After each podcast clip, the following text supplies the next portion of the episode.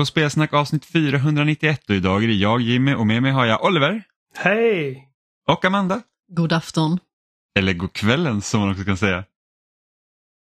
Amanda är inte så nöjd. Vi missade god kvällens förra veckan eftersom vi spelade in på kvällen så det blev en, det blev en stor besvikelse. För alla inblandade. Jag undviker att kommentera i ärendet. Vad är det för konstiga... Men om man kan säga god dagen så kan man säga god kväll. Jag tror jag har haft den här diskussionen förut. Bara 873 gånger, men vem räknar? Eller hur? Det är ett bra ord. Men jag inbillar mig att folk eh, lyssnar på podcast på morgonen mest. Så här commute till jobbet. Men du ska ju hem också. Jo, ja, jo, ja, eftermiddagen då. Onsdagen är ju en dag då det kommer ganska så många poddar, i alla fall i mitt flöde. Ja, ganska utspejsat faktiskt. Det är mycket fredagar har det blivit helt plötsligt. Ja, En av mina favoritpoddar, Dumma människor, har ju tre dagar i veckan nu under sommaren, för de har ju gjort någon form av sån här eh, Ambitiös 12 special. livsregler som man ska eftersträva på något sätt. Och då har de gjort det lite kortare snuttar som är då anpassat för att kunna gå in under sommarmånaderna istället för att vara lite mer djupgående som de vanliga avsnitten. Och det är väldigt trevligt faktiskt, för då får man lite mer dumma människor men i lite kortare format. Jag vet att vi har också så här typ pratat om att göra något så här extra över sommaren. Antingen har det varit så här, ska vi ha sommaruppehåll eller ska vi göra något extra under sommaren det har bara inte blivit av. Utan vi har egentligen bara kört på som vanligt. Ja, poddar hanterar ju det där väldigt olika. Vissa tar ju rent av ledigt. Jag vet flera poddar som har gjort så här specialpoddar under somrarna. För några år sedan gjorde Svampriket till exempel massa spoilercast, kommer jag ihåg. Det har varit specialavsnitt om de olika redaktionsmedlemmarna. Speljuntan kör sitt eh, djupdyk hela sommaren, så då har de liksom ett specifikt fokus för varje avsnitt. Jag tycker ändå att det är trevligt att man fortsätter köra även om det liksom inte är i ordinarie format. Jag gillar ju kontinuiteten. Sen så är jag en sån som ibland kan falla tillbaka till att bara lyssna på böcker i perioder, vilket då gör att jag inte lyssnar på podcast lika frekvent. Men då har jag ju fortfarande kanske ett lager av avsnitt att ta mig igenom sen. Och det tycker jag är ganska så skönt. Då betar man liksom av en podd i taget med kanske fem, sex avsnitt eller någonting sånt. Ja, Jag lyssnar på väldigt mycket poddar. Men jag lyssnar, alltså jag lyssnar, jag kan lyssna när som helst på podd. Liksom, typ så här, är jag på toa, lagar jag mat. Ja, men det gör jag också. Om men jag är du ajour nu? Jag, om jag är ajour? Nej, jag ligger ungefär en månad efter. Ja, det är fortfarande så. Alltså jag har ju ett, vissa poddar som jag alltid lyssnat på veckovis. Och sen har jag liksom vissa poddar jag vet att de behöver jag inte lyssna på nu, de kan liksom ta när jag har tid. det är inget som är aktuellt på något Nej, sätt. nej men precis, men liksom det känns lite, när jag lyssnar på vissa spelpoddar som pratar om spelnyheter så känns det lite så här, alltså det är ingenting jag vill lyssna på om en månad, utan då lyssnar jag på det liksom här och nu. Det känns lite konstigt liksom att säga att ah, men det här hände typ i Xbox-världen och så bara ja men det där liksom har vi bearbetat och gått förbi nu. Eh, Men precis, i synnerhet om det finns något forum att diskutera avsnitten, då kan det bli lite knivigt om man inte håller sig ajour på de avsnitten ifall man skulle vilja flika in med en kommentar och sådär. Då känns det ju lite konstigt om man skulle dyka upp en månad senare och bara “jag tänkte på det här i avsnitt 470”. Så är det liksom flera avsnitt sedan. mm. Alltså det funkar ju naturligtvis att göra så. Hej, ni får jättegärna kommentera till oss på vilket avsnitt som helst. Vi kanske inte kommer ihåg exakt vad vi sa. Nej, det, det är ju typ en av de svåraste grejerna att komma ihåg. Det är faktiskt komma ihåg exakt vad man har sagt. För det liksom känns det vissa att ah, men det här, i det här avsnittet när ni pratar om detta, man säger pratar vi om det i det avsnittet? Jaha, ja det kanske vi gjorde. Och sen så ja, får typ gå tillbaka och lyssna och se vad, var det vi sa egentligen. Ja, jag kan lyssna ibland på våra avsnitt endast av den anledningen. Ifall det typ är någon het potatis som man vet att man har pratat om eller att det kanske är något väldigt aktuellt ämne som folk gärna kommenterar på. Då lyssnar jag gärna för att veta vad jag har sagt ifall de skulle kommentera på det, för då kan man liksom bemöta det lättare. Mm. Ja, men precis. Nu låter det som att jag hela tiden slänger ur mig massa konstigheter, det vet jag inte riktigt om jag tror att jag gör, men ifall det skulle liksom vara någonting som behöver tas upp för diskussion igen, ifall någon kommenterar, då känns det ju bra att man kommer ihåg någorlunda vad man har sagt. Det är väldigt länge sedan jag har lyssnat på något gammalt avsnitt eh, längre tillbaka. För liksom, vi pratar ju ofta om väldigt aktuella grejer också. Och det måste ju vara många grejer som liksom vi har ändrat åsikt om. Alltså över tid. Liksom, nu ska, jag och Oliver, vi har ju liksom poddat nu sedan 2011. Eh, och det, liksom, det har ju hänt väldigt mycket på de här åren. Jag tycker att det har hänt mycket sedan jag började podda. Ja men till och med det också. Så att jag, det är sex år. jag var ju en väldigt stor motståndare till Kickstart från början. Och nu har jag inga problem med det. Bara för att ett, man liksom förstår mer hur spelutveckling fungerar, två, man liksom ser det på ett helt annat sätt.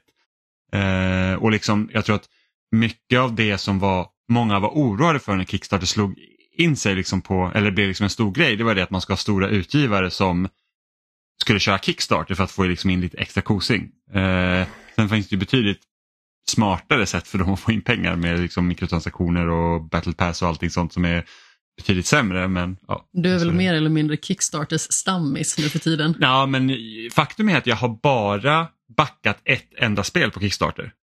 Alltså ett, ett digitalt spel. Då. Ett digitalt eh, spel, ja. Sen har jag ju backat många brädspel och sånt eh, och lite andra grejer på Kickstarter. Men, men bara ett enda digitalt spel som var faktiskt för det är några månader sedan nu som är typ ett Advance Wars liknande spel som ska komma.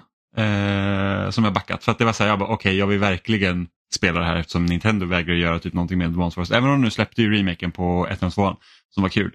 Men eh, det har inte kommit ett nytt Advance Wars. Så jag tror det heter Warside om jag inte har helt fel nu eh, och det ser faktiskt väldigt roligt ut. Är du klar med tvåan? Nej, jag är inte klar med tvåan. Jag har typ spelat fyra, fem uppdrag på det. Eh, så att sen jag ska ta upp det någon, någon dag och köra vidare. ja men det var ju så att det, det är lite tufft att köra de två spelen back to back och sen tror jag jag hade det blir lite recensionsuppdrag och sånt och då blir det så att man får ju bara gå vidare. Liksom. Ja, men jag känner igen den melodin från mig själv när jag plockar upp det igen. Det är verkligen så här famous last words. Jo, men det kan ju hända. Alltså, det kan ju vara så att jag, blir, su- att jag blir sugen på Advance Wars. Jag lyckades ju buda hem två spel på Tradera eh, för inte så länge sedan. Både Chrono Trigger till DS eh, och eh, Metal Gear Solid eh, Twin Snakes till GameCube. Så att, nu har jag ju spelat Twin Snakes, det lånade jag av dig Oliver. Mm. Eh, när, när jag skulle spela igenom hela Metal Gear Solid-serien inför femman. Och femman nice. har jag inte ens klarat. Så jag bara, det, det, är så viktigt att hänga med i den här storyn och sen så hade femman typ minst story av alla spel. Så att det var ju lite synd. Jag till och med körde Peace Walker.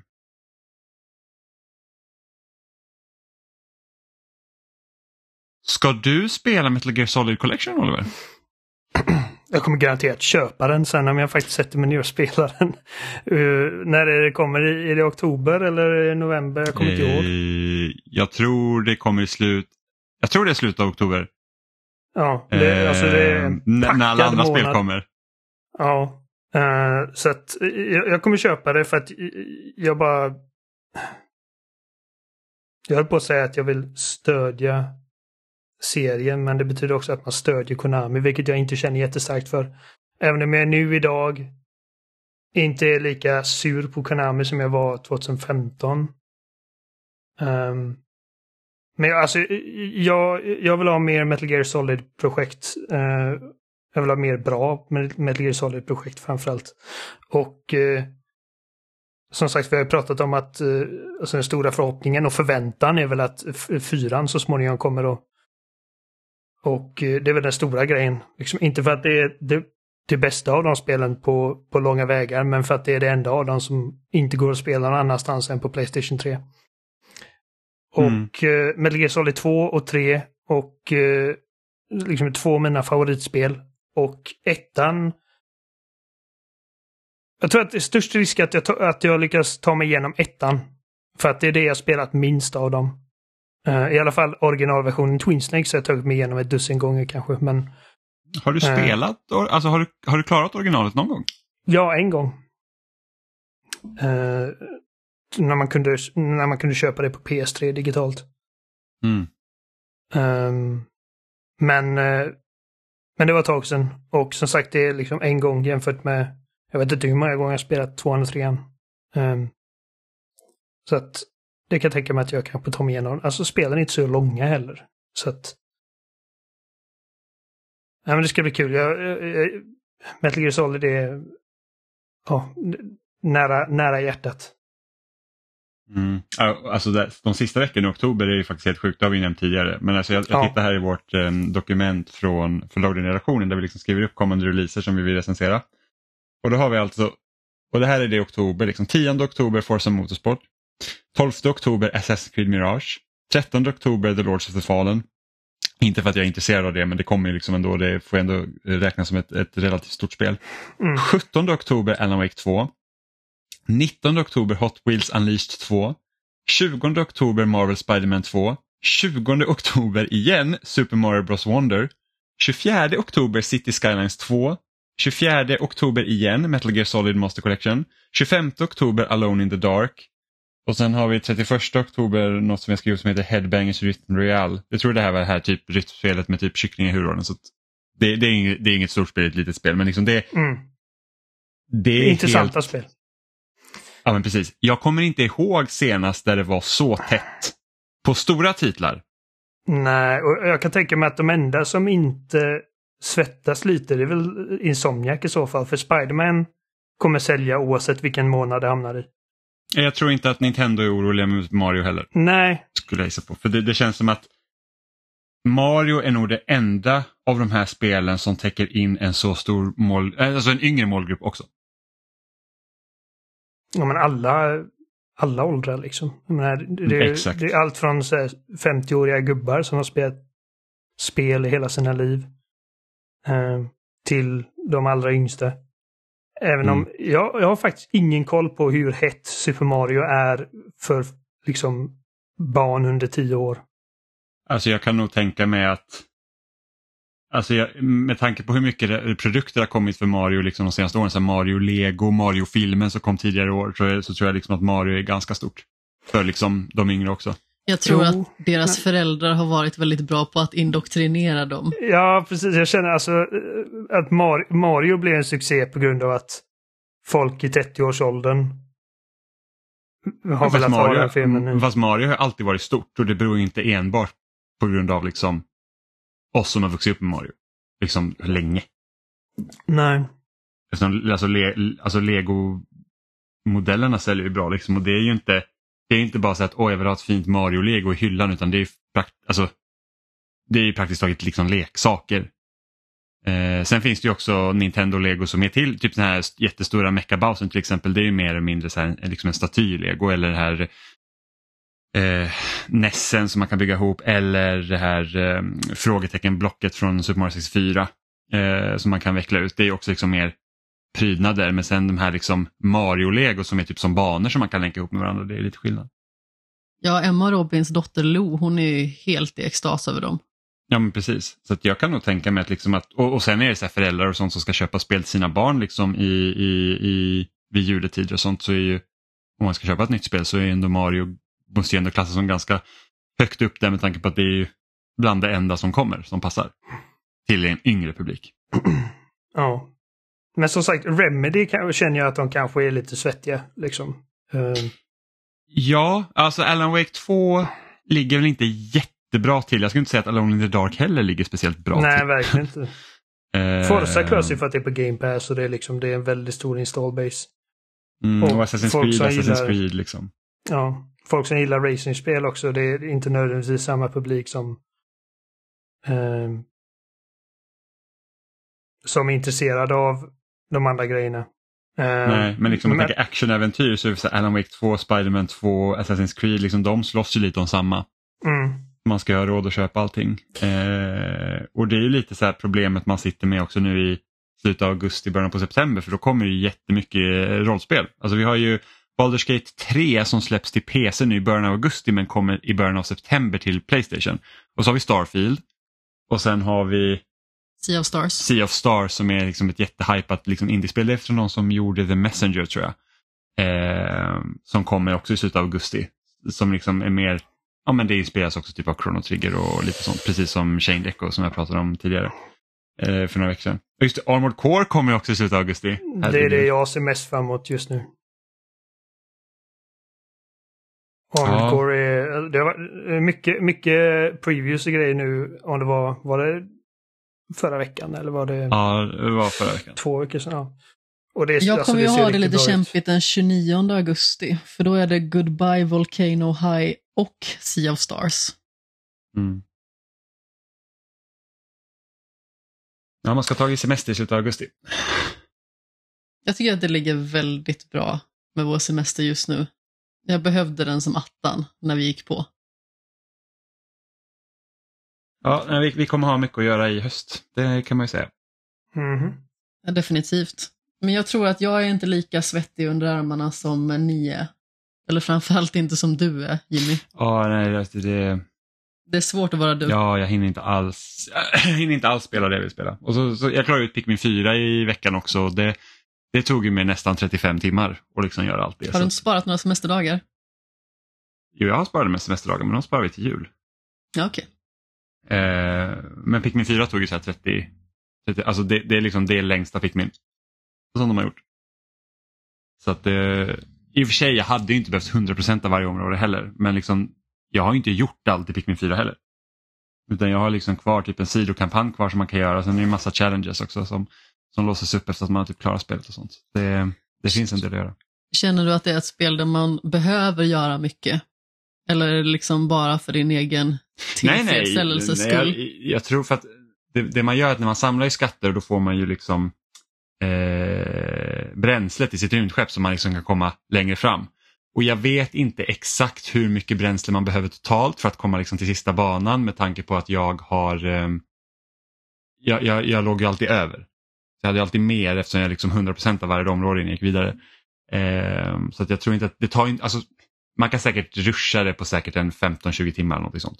Eh, om man liksom bara gör bare minimum. Liksom. Den långsammaste ruschen någonsin. Ja, men det- 15-20 timmar. Ja, ja, men det är liksom med tanke på att du kan ju liksom dryga ut spelet med dubbelt så mycket då. Ja, jag vet. Eh, Jag retas bara. Så är det ju ändå liksom eh, bra det egentligen. Men apropå liksom att behöva göra allting så sitter vi ju lite i den båten när det gäller Yakuza Like a Dragon just nu för att sablar vad svårt det är att eh, gå vidare i huvudberättelsen om man inte gör mycket sidofluff efter ett tag. Ja, alltså det är för att man behöver ju ha pengar så att man kan eh, få bättre gear för att det är jättedyrt. Och framförallt när man stridar så går ju ens karaktärer upp till nya nivåer, vilket gör att de blir starkare naturligtvis, vilket också gör att det blir lättare att ge de här skurkarna på nöten. Men det är precis som jag sa förra veckan, att i början så var det ganska så lätt och jag tänkte att men det här kommer nog kunna gå i ganska så hyfsad fart. Men det visar sig att det inte går att göra det så fort som jag hade trott och hoppats. Inte för att jag känner att jag har något form av behov att panikspela Yakuza Like a Dragon, men samtidigt känner jag att det finns annat som jag vill spela också. Och just nu så har jag vandrat mellan The Sims 4 och Yakuza Like a Dragon, vilket är liksom väldigt stora åtaganden båda två. Och det känns lite grann som att The Sims 4, som jag äntligen har kommit in i, behöver stryka lite grann på foten för att jag ska bli klar med Yakuza Like a Dragon för att vi ska diskutera det i ett djupdyk. Så ja, alltså man måste verkligen lägga krut på att samla de här subberättelserna helt enkelt. Så att man liksom får nya erfarenheter, går upp i nivå, får mer pengar och kan använda det liksom till sin fördel i huvudberättelsen sen. För jag har två gånger nu gått in i en vägg där det liksom har blivit plågsamt tydligt att jag från den punkten behöver tassa runt lite granna. Och då har jag gjort allting som går att göra. Sen så har jag liksom kunnat spela några kapitel till. Hur långt kom du på Like a Dragon, Oliver? Oj, det vet jag inte. Jag Prologen. spelade kanske tre timmar, tre, fyra. Ja, okej, så du är fortfarande, då kanske du är typ kapitel två. Jag, det, det, Kom- när, kom du till när man Yokohama? Kommer, när man kommer ut ur fängelset och får sin Ja. eh, galna frilla. När spelet börjar på riktigt med andra ord. Ja, precis. när spelet startar. precis. Eh, Då, efter det spelade jag någon timme och sen så la jag mig. Ja, okej. Och det är inget du vill fortsätta med eller? Striderna klickar inte med mig, alltså det, det går inte. Ja, okej. Även om jag tycker väldigt mycket om eh, Ichiban. Jag tycker han är en skitbra protagonist. Och eh, Han är oväntat rolig. Jag trodde att han bara skulle vara skum. Men jag gillar honom väldigt mycket. ja, men, eh, han, han är lite som Kirjo, liksom en tuffing som inte är rädd för att liksom grisa ner sig, men han har ett hjärta av guld. Och men, men då till skillnad från Kiryu så är han väldigt liksom han är inte lika seriös av sig. Um, och uh, nej, jag gillade honom. Jag gillade liksom, jag tyckte storyn var det var inte storyns problem, liksom att jag inte fortsatte, utan det var enbart striderna. Ja, vi är ju ungefär 25 timmar in vardera. Mm, ja, jag är på kapitel 9 av Ja, 15. och just nu håller jag ju på att springa runt i hela stan och eh, samla på mig de här blå pratbubblorna. Ja, men det finns ganska roliga liksom, typ minispel och sånt i, i, i spelet också. Så att jag, jag har ju kört en del go-kart som man kan göra. Det, är liksom Mm. så här, typ, det finns typ Dragon Kart. Ja precis, det finns typ så här nio banor, tolv banor till och med, så här olika Grand Prix som man kan köra. Liksom. Det, det är liksom hyfsat. Eh, och sen nu har jag suttit med det här management-delen där man liksom äger eh, företag och liksom tjänar pengar. Vilket, Ichibans konfektyr. ja, ja, precis. Det är inte det är inte lika roligt som liksom att ha hand om ett av de här liksom, ska man säga, kaféerna, vad heter de? När man har massa av de här eh, kvinnorna som ska tjusa runt med män och så ska man eh, så ska man tjäna pengar på det genom att de ska vara nöjda typ. Kolla inte på Men jag kommer mig. inte ihåg vad de heter. Oliver, kommer du ihåg vad det heter?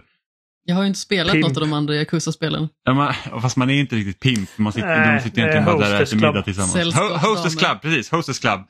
Eh, och Hostess Club, om det var Yakuza 6 och Yakuza Zero som hade liksom den delen i det som var roligt. Då, så att säga. Alltså, det, liksom det var beroendeframkallande fan. "Åh, det Jag, bara, jag det vill var ha mina skitroligt." S-tier hostesses. Och Ja, ja och, liksom... sen, och sen så tjäna jättemycket pengar och liksom bara komma upp i de här nivåerna och vinna det hela typ eh, Hostess Club-turneringen och grejer. Skitkul minispel alltså. Ja, verkligen jätteroligt. Och managementdelen är ju inte, det är liksom liknande åt det hållet men inte lika kul. Eh, det känns Mm. också som att det står mer på spel och det är onödigt komplicerat faktiskt. Det är liksom så här, man bara, varför gjorde ni inte det här mer begripligt? För att jag typ höftar lite och chansar på att det ska gå bra liksom. Men det, det, det är så många olika delar i det så du har ju Först har du liksom, du har ju dina företag och i början så kan du ha två och sen så när du liksom när dina aktier blir bättre, att du liksom går upp i aktierankningen, då kan du också köpa till fler företag. Och då får man då så får man anställa folk och då, då liksom har de och de har ju typ så här karisma och lite sådana liksom färdigheter och sen så finns det typ tre mätare som är så här hur produktiv är man, hur mycket bra service ger man och sen typ hur mycket Alltså hur känd man är eller någonting sånt. Liksom, hur mycket personer kan man dra in till affären? Antar att det handlar om kundkontakt. Kanske, jag vet inte. Eh, det är lite oklart. Och sen så varje företag så kan man ha tre stycken anställda och då har du en ledare och sen har du liksom två då vanliga arbetare. Och ja, beroende på var du sätter de här liksom som du har anställt så, så, så liksom ändras de här mätarna också på företaget. Så det, tanken är att du, du ska inte gå back liksom på, på allting utan du ska liksom gå helst med plus. Eh, och sen, och sen liksom när man är typ så kan man befordra sina medarbetare, de kan ranka upp eh, för att sen har man de här shareholder meetings där ju bättre rank dina medarbetare har ju bättre liksom kan de då slåss för företaget och visa att vi gör ett bra jobb. Och då är det typ som en så här, ja men det är nästan som en strid så du typ så här, ja en av de här shareholders har någon fråga och så ska du hitta liksom en, en, eh, en anställd då som är med på det här board meetingen, man kan ha fyra stycken med sig samtidigt.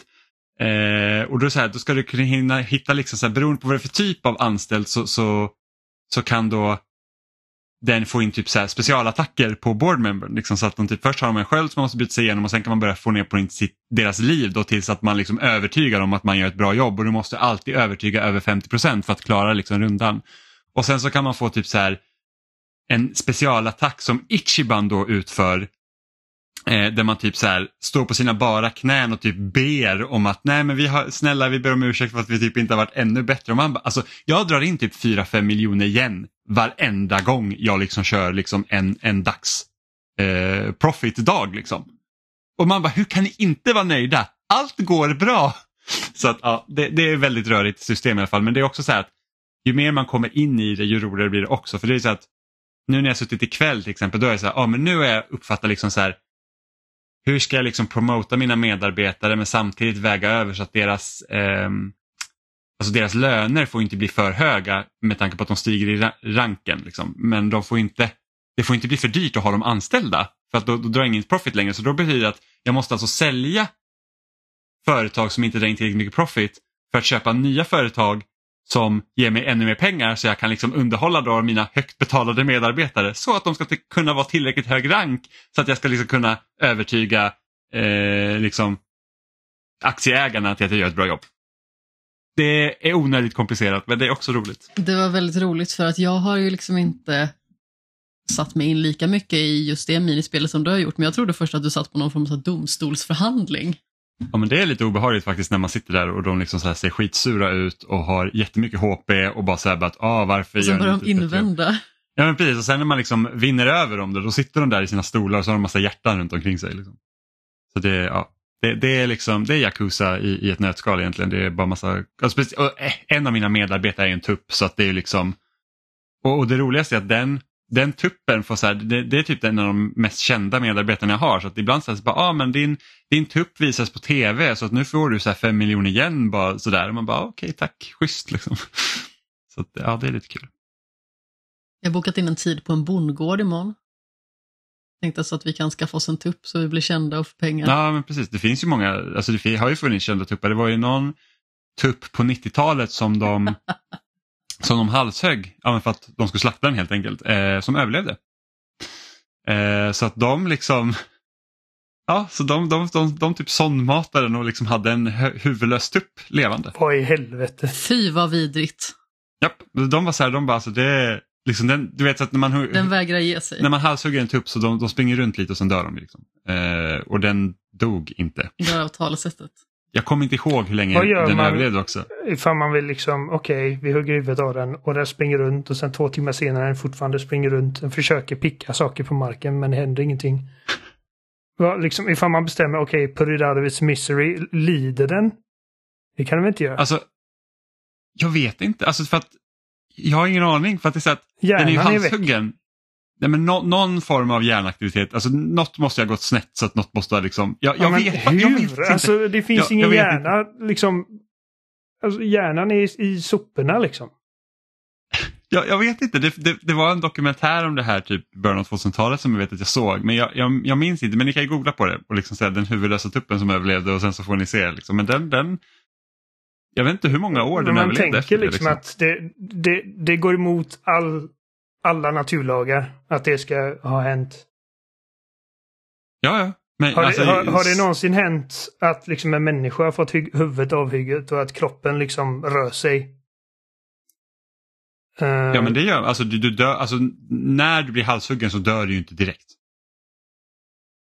Jag vet att man, man har pratat om när du blir, liksom, när du blir halshuggen så kan du i princip alltså, potentiellt se din huvudlösa kropp. Väldigt kort. Varför vet du det här? Jag, vet, jag har läst, alltså så här, ta mig inte på orden när det kommer till det här men, men det är liksom Testa inte det här hemma jag har läst det någonstans liksom att när du blir, när du blir halshuggen så finns det liksom en, en liten tid där du liksom För det känns det som att hjärnan borde liksom fungera en liten stund. Även Ja. efter att allting har liksom kopplats bort. Vet, jag, läste bort. också, Batteriet under dötten. jag, lä, ja, men precis, jag läste också någon artikel att när man väl dör, alltså på riktigt dör, så vet man om att man har dött. Man hinner liksom veta att ah, men jag har dött och sen så, dö, liksom, så försvinner du. Jag vet att, det, det, att liksom det är massa kemikalier som pumpas till hjärnan för att ge det liksom en sista typ rush av eufori. Alltså att man, man, så att när man dör så dör man liksom mer glad än innan. Ja, liksom Eller? det är typ, Ja. typ liksom att man känner sig liksom content. Ja, det, är väl, det, är väl rätt, det är väl rätt så skönt. Ja, det här kan vi ju lägga i mappen av diskussioner jag inte trodde vi skulle ha när jag vaknade i morse. Ja, men så, så kan det vara. Eh, men det hände en annan grej eh, tidigare idag, ja, ganska kort innan vi spelade in nu. Det var ju det att det kom ju, eh, jag tror det är från Video Game Chronicles. Yes. Eh, där, där de kom ut med en artikel där de sa att eh, utvecklingskit för nästa Nintendo-konsol har gått ut till, det, till liksom key partners. Och då tänker jag liksom större utgivare slash utvecklare. Då. Ja. Eh, ja, men typ Ubisoft Electronic Arts, ja, etc. Etc. Eh, och där vi fick liksom, alltså, ja, och det här, vi vet ju inte om det, hur mycket av det här stämmer, men, men det var lite så att det här är vad man kanske kan förvänta sig om det stämmer. Då. Eh, och det är att konsolen då planeras att släppas andra halvan av 2024. Eh, på grund av att man inte vill hamna i en situation där man inte kan producera tillräckligt mycket konsoler eh, och att de tar slut för fort. Eh, Och vid det laget har det gått man- sju år sedan Switch släpptes. Över sju år. vil- vilket känns helt insane. Eh, ja, ja, att det har tagit så lång tid. För det det känns inte, alltså, om någon, jag, jag vet inte, switchen känns inte så gammal. Nej. Jag kommer när 360 var sju år man bara jävlar. Jag har levt med Ja. det hela mitt liv. Ja men, typ, ja, men det var ju typ, alltså, alltså den, den konsolgenerationen kändes verkligen o... Alltså jag kommer ihåg att jag började redan gnälla om att vi inte hörde någonting Next Gen relaterat 2011. Jag var så besviken kommer jag ihåg det, det E3. Det var liksom ingen ny konsol. Man var så här, but why? Men det är för att vi är äldre Eh, också. Ja men precis, nu går jag allt bara... Ja, Tänk dig när man är 60 Eh. så kommer decennier gå lika snabbt som år går för oss nu. men det är typ, alltså det är nästan så redan. Men jag tänker liksom Nästan. tio år tillbaka. 2013. Alltså det, det känns inte som att det var så jävla länge sedan. Nej, det gör inte det. Och Det det, känns det, gör mig lite nojig ibland för jag bara, man får inte så många decennier. Liksom. I Nej, livet. men de... ehm, alltså, det, finns forskare snabbt. som jobb, det finns ju forskare som jobbar på att faktiskt eh, förhindra åldrande och liknande. ja, det och kan typ ju att- bara gå bra. Ja, för de rika som har råd att betala. men, men liksom så att Eh, man, man, man, säger att for, alltså, barn som föds idag teoretiskt sett behöver kanske inte ens dö. Liksom. Eh, sen så håller planeten på att brinna upp och det är ju lite sånt. Men det är en annan femma. Ehm, men sen också eh, angående då Switch 2 som vi kan kalla den. Det är inte bekräftat att den heter Switch 2 men det är så jag kallar den. Eh, så att vi inte gör Vi någon, kallar den så, eh, det är lättast. Ja, Switch, det är lättast. Eh, kommer inte ha en OLED-skärm, det kommer ha en LCD-skärm istället. Vilket så här, personligen gör ju inte det mig någonting för att jag spelar mest på tvn, men jag kan tänka mig att det måste kännas konstigt om du har en Switch OLED och sen så ska du köpa uppföljaren som inte har OLED-skärm. Ja, Men det kanske kommer en Switch 2 OLED. Ja, det kan du säkert göra eh, liksom senare och anledningen till att man liksom går för en LCD-skärm då enligt ryktena är för att spe, eftersom det blir en starkare Switch så kommer också spelen bli större. Och blir spelen större så måste man ha mer minne och minnet kostar. Så att då har man en sämre skärm men du kan också liksom ha biffigare eh, minne då. För de tänker att De vill inte släppa en konsol som kostar 7000. Nintendo gör inte det. Nej, precis. Nej, exakt. Eh, och om man tänker nu att jag tror de största eh, kassettkorten idag för Switch-spelen kan ha 32 GB på sig. Och andra rykten har ju sagt att typ nästa eh, Switch kommer typ vara i klass med Xbox One och PS4. Alltså prestandamässigt. Eh, och de spelen var ju ofta 50-60 gig. Så att då, då, då kräver det att man liksom, ska man då ladda ner grejer på, på eh, maskinen så så kommer det ta upp platsen väldigt fort. Jag hade gärna sett att de släpper eh, en premiummodell redan vid launch då i så fall. Den här kostar typ 1500 mer men då får du en OLED-skärm. Mm. Jag tror inte de kommer göra det. Inte jag heller. Eh, och eh, nästa, switch, eller, nästa konsol då kommer också ha eh, förmodligen eh, kassetter som spel. Men Mm. man vet inte hur det fungerar med bakåtkompatibiliteten. Eh, det, det, det har ingen sagt någonting om. Eh, jag skulle ju hoppas på att de fysiska Switch-spelen då passar för nästa om de fortsätter liksom med kassetter. att de Eh, gör så en liksom DS till typ- 3DS. Exakt. Eh, sen så kan man ju anta då att de digitala spelen kan funka ändå. Man kan ju verkligen hoppas. Det, det, jag skulle inte säga att det hade varit en dealbreaker om den inte var bakåtkompatibel för jag, vi vet att jag kommer köpa den ändå. Det kommer vi alla göra. Ja, det är ingen dealbreaker, det var Eh, väldigt tråkigt. Men, men det, alltså det är snudd på en dealbreaker att liksom 2024 att liksom lämna allting bakom sig. Och så att det är liksom fast på den generationen för all framtid. Ehm, Ja, alltså det enda som jag kan tänka mig är problemet för Nintendo där till exempel om den skulle vara helt bakåtkompatibel det är det så att hur får man då folk att flytta över till den nya konsolen? Liksom att, det, det läste jag också i den här artikeln, det stod liksom så att okej men om den inte är bakåtkompatibel eh, eller om den är bakåtkompatibel då kanske inte folk uppgraderar lika snabbt. Och det kanske får andra utvecklare att de kanske inte utvecklar Switch 2-spel utan de utvecklar Switch-spel fortfarande. Så det är väl den. Ja, det, ja, det är en faktor. Men det, det känns inte som ett tillräckligt bra argument. Nej, nej, absolut. Jag definitivt vill ju att den ska vara bakåtkompatibel för att alltså jag äger ju majoriteten av mina Switch-spel fysiskt. Eh, och det vore ju skönt liksom bara så att okej när Switch 2 kommer så okej min, min Switch är obsolet. Eh, nu går jag bara gå över till Switch 2 och sen bara fortsätter jag på den. Ja. Nej, men det, det är bara, Men- det är liksom, eh, det känns tryggt. Liksom att uh, ifall man köper en liksom ny, när Playstation 6 kommer så alltså, nästan garanterat liksom att allting du kan spela på PS5 idag kommer man kunna spela på den. Precis Mm. som med nästa Xbox för att liksom de, de, de vet att deras spelare har byggt upp de här, de har investerat sig i deras spelbibliotek. Mm. Och det kändes så himla nice med liksom, när man startade både PS5 och, och Xbox Series. Det var ju så att okej man kan fortsätta business as usual. Det är så att jag behöver inte köpa det här nya spelet till den här maskinen och ha kanske ett spel att köpa på den utan jag kan liksom jag kan bara fortsätta. Alltså jag Mm. kanske höll på med ett spel på min PS4 och så kommer PS5 och så spelar man den och så tar man ett nytt spel och sen vill jag fortsätta med mitt gamla spel men jag behöver liksom inte hålla tag i PS4 på samma sätt. Nej. Vilket är väldigt skönt. Och, och så har man ju känt liksom med Xbox är ju det att där var det ju verkligen som att man bara liksom köpte en uppgradering och det var liksom verkligen samma sak. Rent prestandamässigt så vi förväntar oss att det blir liksom något jämförbart med typ PS4 va? Ja, ja, det är i alla fall vad ryktena har sagt och sen får man se då om de jobbar liksom på andra sätt då för att liksom biffa upp den ännu mer. För att liksom spel som kom på PS4 och Xbox One har ju även fungerat på Switch idag, även om det såklart har varit Ja, betydligt det mer, mer bantade versioner. Absolut, Eh. och det, det kommer ju fortsättningsvis vara här men. Det, man pratar om vad heter DLSS, jag har inte tillräckligt bra eller teknisk kunskap om det men det hjälper också till att liksom kunna biffa upp spelen. Den viktigaste grejen som framgår maskiner. i den här artikeln är att om det nu stämmer, och det låter ändå vettigt, så ingenting av det som står i artikeln um, Ska vi kanske säga vilken artikel det är om folk vill läsa? Eh, Ja, det är på videogamechronicles.com och eh, artikeln heter Nintendo Targets 2024 with Next Gen Consoles. precis. Eh, och det framgår här liksom att detta också kommer vara en handheld slash hemkonsol liksom Ja, hybrid som precis. Switch. Vilket vi... Alltså det känns som att det är, det är Nintendos realm nu.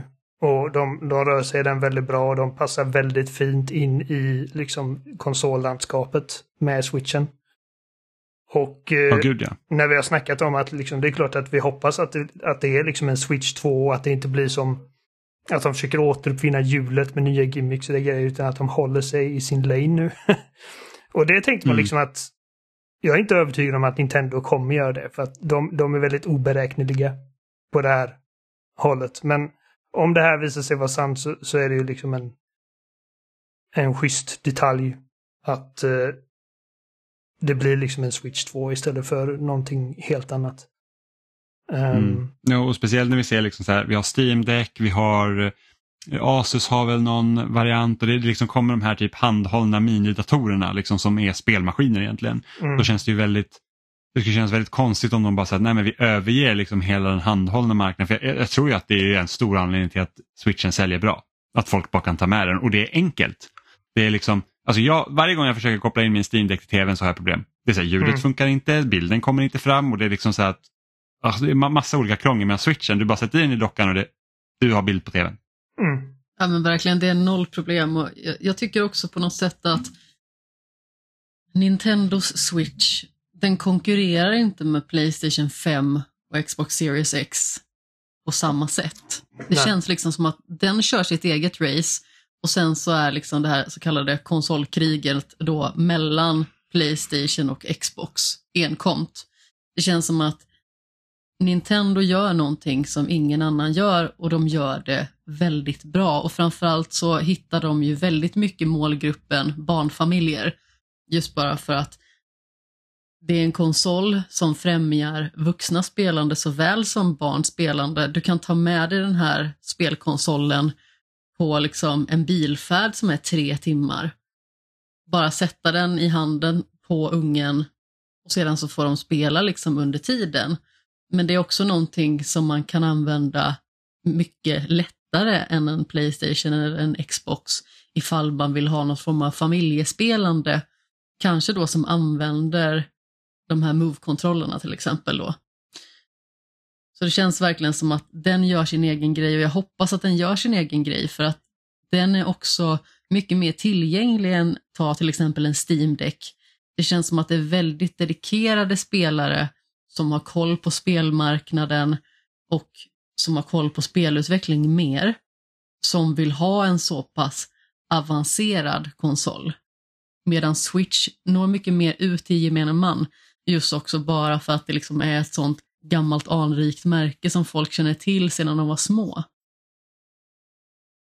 Mm. Och Nintendo är egentligen den enda eh, spelutgivaren slash utvecklaren som faktiskt gör alltså, riktigt bra spel som passar liksom en, alla åldrar. Liksom, ta Pikmin till exempel. Det är liksom det kan jag spela och ha jättekul med och det kan någon som är betydligt yngre än vad jag är spela och ha riktigt kul med. Men du sätter till exempel kanske inte någon framför typ The Last of Us. Liksom så här, bara, ja, men nu här börjar sex år. Här, gå, gå och skjut lite människor som Joel. Liksom. Så det, det, det, det, gör man ju liksom inte för att jag känner både Xbox och eh, Playstation eller, Xbox, eller Microsoft Sony, de, de liksom satsar egentligen på en, en, en äldre publik. Majoriteten av fallet. Och det är ju också för att de vet att de som har växt upp med videospel och som har gjort det till en väldigt central del av deras liv är vuxna nu och har pengar att spendera. Mm. Samtidigt så att när Nintendo marknadsför sin eh, Switch-konsol så marknadsför de den till 90-talister och 80-talister.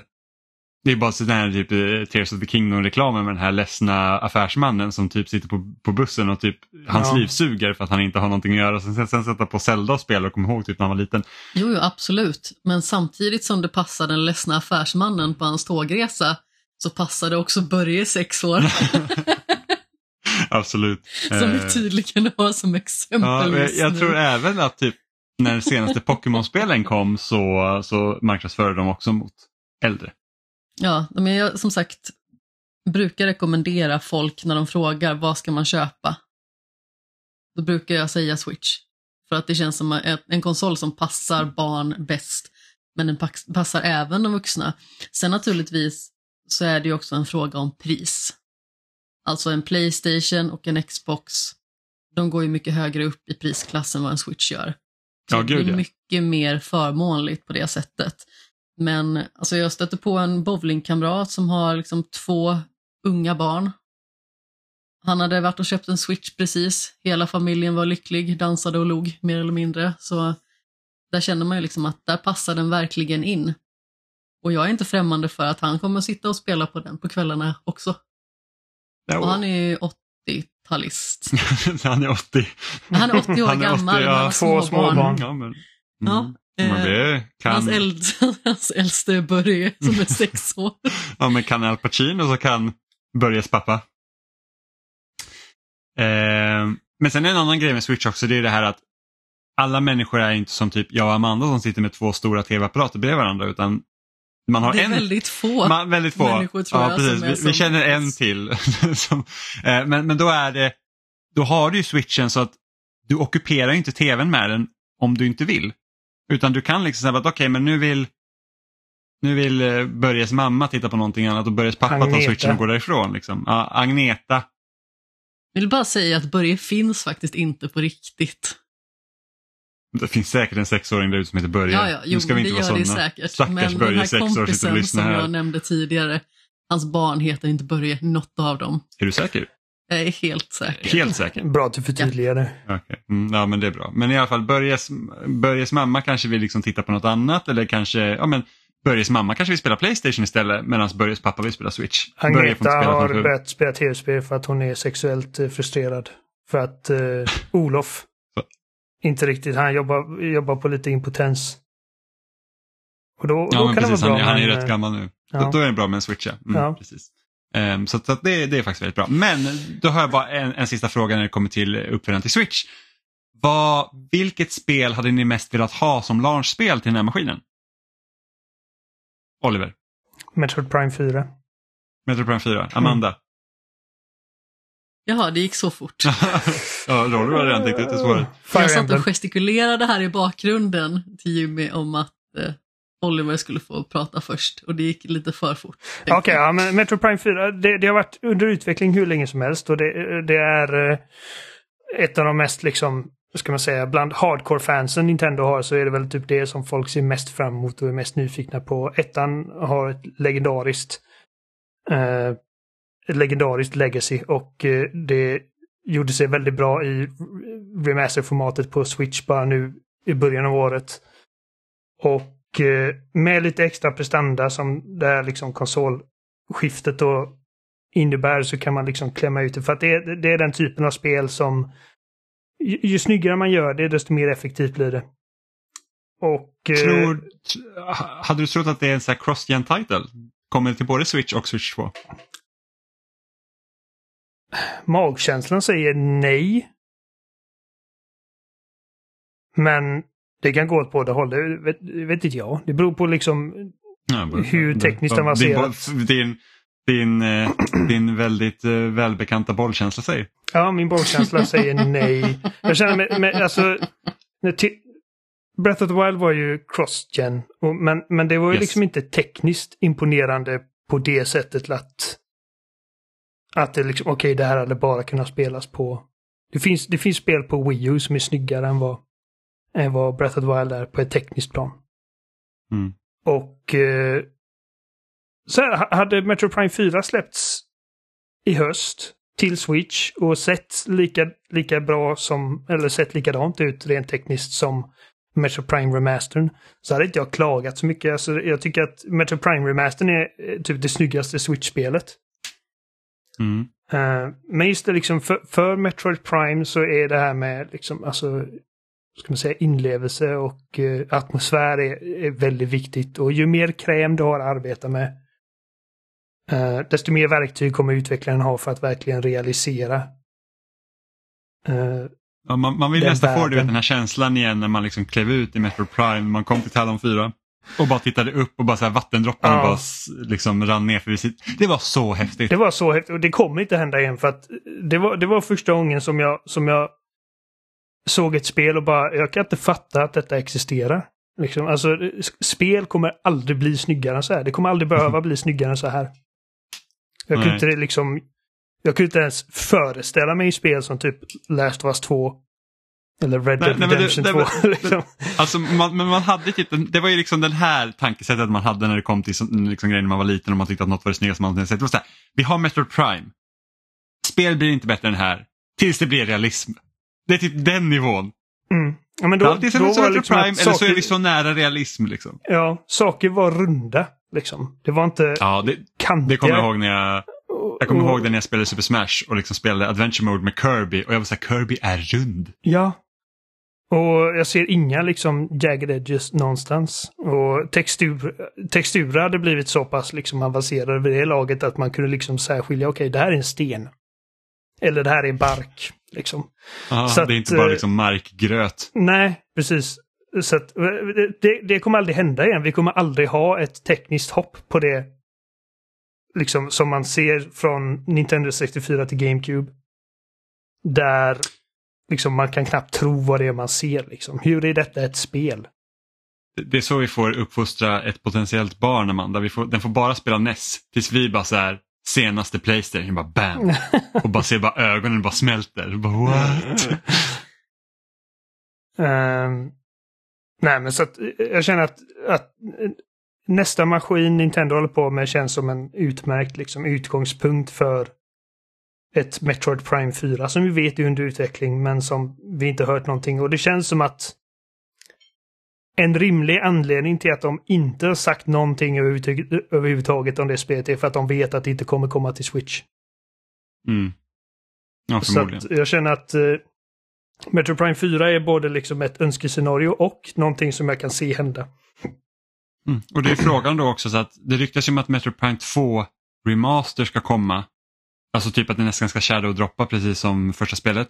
Men att det inte kommer vara liksom samma typ av remaster som ettan var utan det är liksom mer som en HD-utgivning. Ja, typ. precis. Eh, och då finns det ju även tid att liksom, om man har gjort samma grej med trean.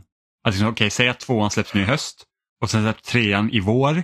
Och då, har vi liksom, då har vi hela trilogin och sen släpper man fyran som ett launchspel till nya switchen. Då. Mm. Eh, för att liksom öka hypen kanske. Som Makes då har spel. Ja, alltså jag har ju lite otur kan man ju lugnt säga. För att de två spelserier som har spel som jag skulle vilja se, de har precis släppt nya spel. Och det första är ju Mario plus Rabbids. Mm. Det kommer inte komma ett nytt spel 2024. Nej. Det andra är Fire Emblem. Kommer inte komma ett nytt spel 2024 när de släppte ett i början av 2023. Så Förmodligen inte till launch för de känns smala, de spelen. Ja, det är mycket möjligt. Men eh, jag känner ändå att eh, då får man ju leva lite på nostalgivärde på något sätt. Och då tänker jag att eh, då hade jag velat ha en dubbelutgåva av någon form av remake eller remaster på Fire Emblem, Radiant Dawn och Path of Radiance. Eller, Eller vad då? nej okej, det lät som att du hade två alternativ att välja mellan. Nej. Nej, du ville ha, det du var ville de ha haft en två remaster på, alternativen. ah, okej, det var de två alternativen. Ah, okej, men det, ja, och det har ju också ryktats om att det skulle liksom vara på G. Eh, men jag tror att det är mer troligen att det blir i så fall ett Switch-spel än ett Switch 2-spel. Ja. Alltså det spelar inte någon roll för mig när det kommer, bara det kommer. Innan du gissar, eller säger Jimmy, får jag gissa vad, vad du hade... ja, du får gissa. Ja, men, men, men jag vill låta Amanda prata klart också. Jag har pratat klart. Ja, okej. Jag vill ha Fire Emblem, Path of Radiance och Fire Emblem Radiant Dawn i en dubbelutgåva. Mm, Så här dubbel-DVD som fanns förut. Ja. Fast spel Ja, och med precis. kassetter. Combo. Dual Där, combo. Tom Cruise Collection, så var det två filmer. Cocktail och Top Gun. Ja, Tom Hanks Movie Night. Det fanns massa sådana grejer med DVD-filmer. Det var jättekonstiga så här liksom typ. Ja, men här är typ tre random filmer från den här skådespelaren. Och så slår man Saving ihop det Private. Ryan and You Got Jo, Mail. jag vet. Det är verkligen sådana härligheter som man fick i typ eh, dammagasin också.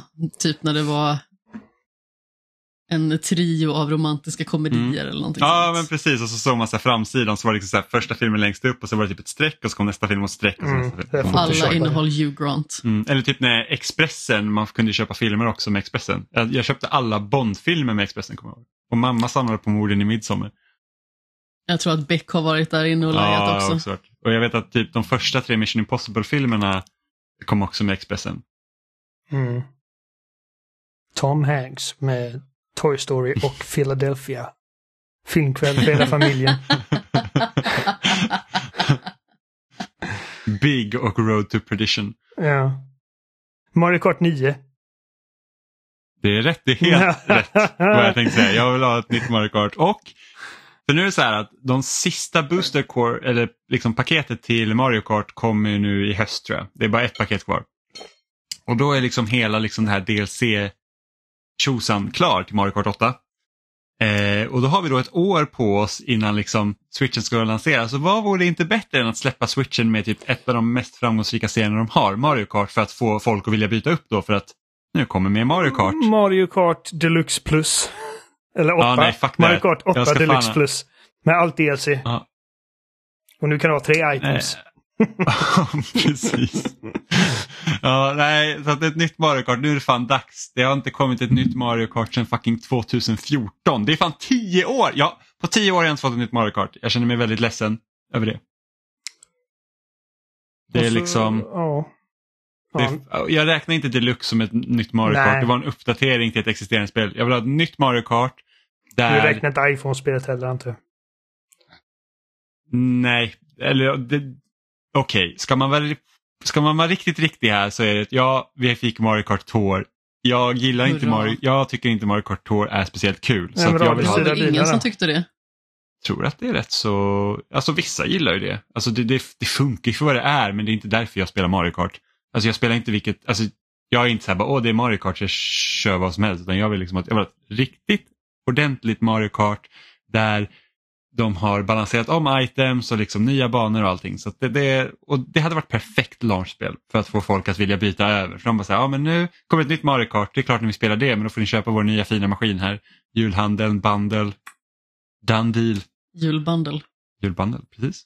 Så att, eh, det hoppas jag på. Eh, om Nintendo bara ringer upp dig imorgon och bara ja, vi vet att du är sugen på Mario Kart 9 för Switch, eh, Switch 2-lanseringen, men du måste välja mellan antingen det eller F-Zero. Ja, lätt Mario Kart. Okej, då begraver Alltså- vi F-Zero för all framtid. Ja men de har ju redan gjort det så why, do I care? Det är liksom, de kan bara gräva gropen djupare. Alltså en, eh, jag läste någonstans att enda anledningen till att typ de inte återupplivar F-Zero för att Mario Kart säljer så bra och att de tror liksom att de skulle kannibalisera på varandra. Trots att F-Zero är totalt helt annorlunda racingupplevelse mot Mario Kart. De tänkte inte på att alla deras så här, 2D-plattformar de gjorde på Wii U-tiden skulle kannibalisera på varandra. Tydligen inte. Miyamoto bara, de är tillräckligt annorlunda. Här Alltså, spelar du en apa, här om- spelar du en rörmokare. Om vi bara kollar på liksom högprofilspelen så är det ju New Super Mario Bros U, det är Donkey Kong Tropical Freeze, det är det där, eh. Yoshi eh, Woolly Kirby. World. Det kom ett Kirby-spel va? Eller var det Ja, på Kirby, Wii? jag, vet, jag vet inte om Kirby Epic Yarn kom till Wii U också men det är i alla fall släppt som ett 2D-spel någonstans. Eh, det var en jävla massa 2D-plattformar. Mm. Ja, verkligen. Men de har en racing-serie och det är tydligen allt det finns plats för.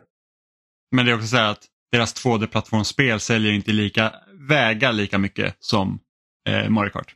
Nej. Alltså, jag tror Mario Kart 8 Deluxe är typ det bäst säljande spelet på switchen. Om jag inte helt fel. Vilket känns helt... Alltså det känns lite bisarrt att tänka att Mario Kart liksom då skulle vara deras största serie. Alltså det säljer liksom mer än Pokémon. Ehm, det är så sjukt. Men jag hade hoppats på Mario Kart 9. Men Ja. vi har ju spelat lite spel också. Eh, innan vi liksom ska packa ihop och säga hej då för den här gången så att, ehm, Amanda, vi har spelat en hel del The Sims den här veckan och speciellt du som har spelat den senaste expansionen där man numera kan äga häst och rida runt. Ja, det är korrekt. Ja, så hur känns det att vara tillbaks i The Sims 4-svängen? Ja, alltså jag har ju inte varit så mycket i The Sims 4-svängen innan, kan man ju faktiskt ärligt säga. The Sims 2 har jag ju spelat orimligt mycket. Alltså det är ju säkert tusentals timmar. Jag vet inte ens hur mycket av det jag har spelat. För att det var liksom under en period av fyra år och det var typ det enda jag spelade nästan. The Sims 3 är typ obefintligt i mitt minne. Jag har ett minne av att jag har startat det. Jag har inte ett minne av hur det var att spela. Och sen så har jag ju spelat alltså ungefär 15 timmar kanske eller någonting i den stilen av The Sims 4 tidigare och testat lite expansioner och sådär. Men jag har liksom aldrig kommit in i det på ett sätt som jag liksom känner att det bara flyter på. Man kommer ju liksom in i något form av flyt när man är inne i The Sims på riktigt. Och det är lite obeskrivligt egentligen för att det bara fortsätter och fortsätter nu. Hunden försökte hoppa upp i sängen i bakgrunden och trillade ner. Så det var därför jag började skratta. Eh, det är inte lätt att hålla masken i ett sånt läge. Men hur som haver så bara flyter det på och man kan liksom inte låta bli att fortsätta.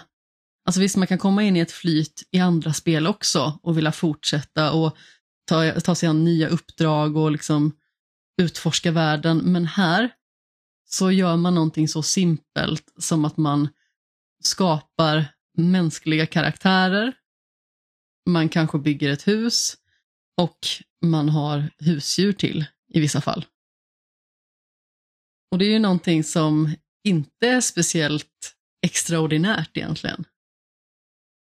Men den tiden som spelet kan sluka, det är extraordinärt. För att jag vet inget spel som skapar den känslan som i alla fall The Sims 2 framförallt gjorde för mig. Ehm, och nu har det ju kommit en ny expansion som heter The Sims 4 Horse Ranch. Vilket då innebär att eh, man får ta sig an liksom ett nytt område som heter Chestnut Ridge. Vilket egentligen skulle kunna beskrivas som vilda västern i modern tappning på något sätt. Det är fransar och det är cowboyhattar och hela den balletten, men samtidigt så är det liksom smarttelefoner, du ser hästar med typ rosa man och det är liksom ett moderniserat samhälle fast det är liksom fortfarande i den här hästfrämjande miljön på något sätt. Eh, så precis som i vanlig ordning så kan man ju skapa sin egen karaktär, vilket jag också gjorde. Och eh, flyttade in, skaffade en häst. Man kan ju göra det på lite olika sätt. Man kan liksom rädda en häst, man kan adoptera en häst. Och sen så kan man ju liksom utforma hästen på det sätt som man tycker passar en själv. Man kan också liksom börja föda upp hästar så att man eh, skaffar sig en större gård och sådär. Och allt eftersom att tiden går och man tränar upp hästen så kan man tävla och bygga upp sina färdigheter på det sättet också. Så precis som i vanlig ordning när det gäller The Sims så handlar det också om att utveckla karaktärerna och i det här fallet så även hästarna. Så att hästarna blir mer framgångsrika till exempel inom olika tävlingsgrenar. Det kan vara liksom att man tävlar inom hoppning, man vinner priser och så vidare. Och för att bli bättre så åker man liksom ut på en ritt och man kan stanna vid olika typer av övningshinder då för att förbättra vissa specifika färdigheter. Vilket gör att de också kan bli bättre när de tävlar till exempel.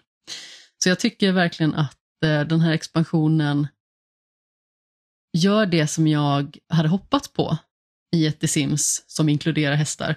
För att när jag var liten så var jag väldigt hästintresserad och att kunna få ha häst i The Sims, det var ju typ drömmen, verkligen.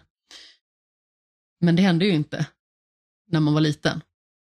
Utan spelade jag ett hästspel så var det arvet från Rosemond Hill och det är ju någonting helt annat för då får man liksom styra karaktären själv med liksom sina pilar på tangentbordet. Och så även hästen. Och det blir liksom en mer actionbaserad upplevelse när man till exempel tävlar och så. Och det blir en eh, lite mer eh, lugn upplevelse när man spelade Sims. Som ni vet så när man spelade Sims då dirigerar man ju bara sina karaktärer och gör olika saker. Man får aldrig känna på att göra dem själv. Och det är ju nästan lite synd när det gäller typ hästhoppning och sånt för att det är ju väldigt kul att styra en karaktär som hoppar över hinder. Men samtidigt så tycker jag att det fungerar otroligt bra i den kontexten. Du som också gillar hästar Jimmy. Ja. Är det liksom eh, någonting som du tycker ser spännande ut, ser kul ut när du sitter bredvid? Alltså du har ju också spelat The Sims parallellt med mig, vilket har varit väldigt skönt för att det har ju också äggat igång mig när jag har sett att du har kört på med ditt, för du skaffade några expansioner extra.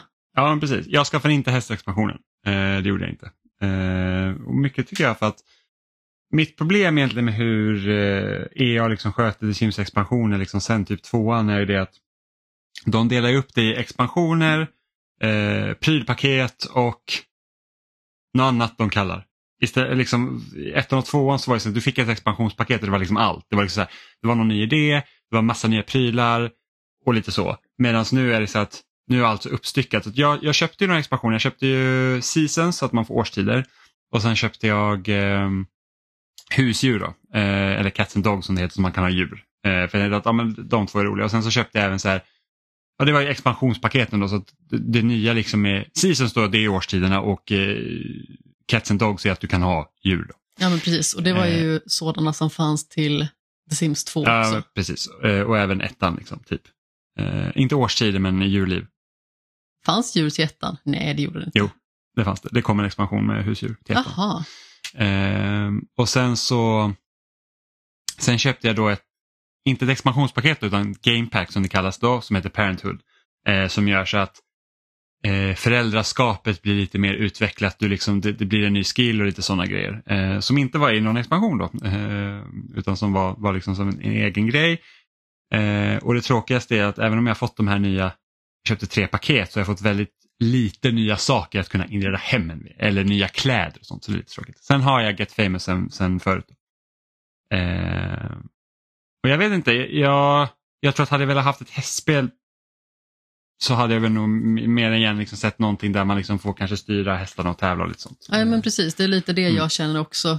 När jag tänker på att kunna ha ett ultimat hästspel så känner jag att då vill man liksom kunna själv sköta så de actionfokuserade bitarna.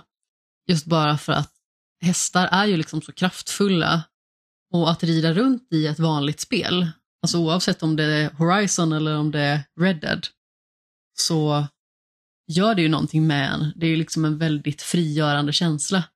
Och att faktiskt kunna styra sin häst, ta hand om sin häst och tävla med den, alltså så som man gjorde i arvet från Rosemond Hill, fast kunna ha det liksom i en ny tappning, en modern tappning. Alltså det hade ju varit väldigt kul, tycker jag i alla fall. Om man liksom hade gjort det till ett mer realistiskt spel. Men jag tycker fortfarande att The Sims hanterar hästbiten väldigt bra. För jag tycker ändå liksom att man får tillräckligt mycket nya saker i Horse Ranch-expansionen eh, för att kunna verkligen skapa den här hästkänslan.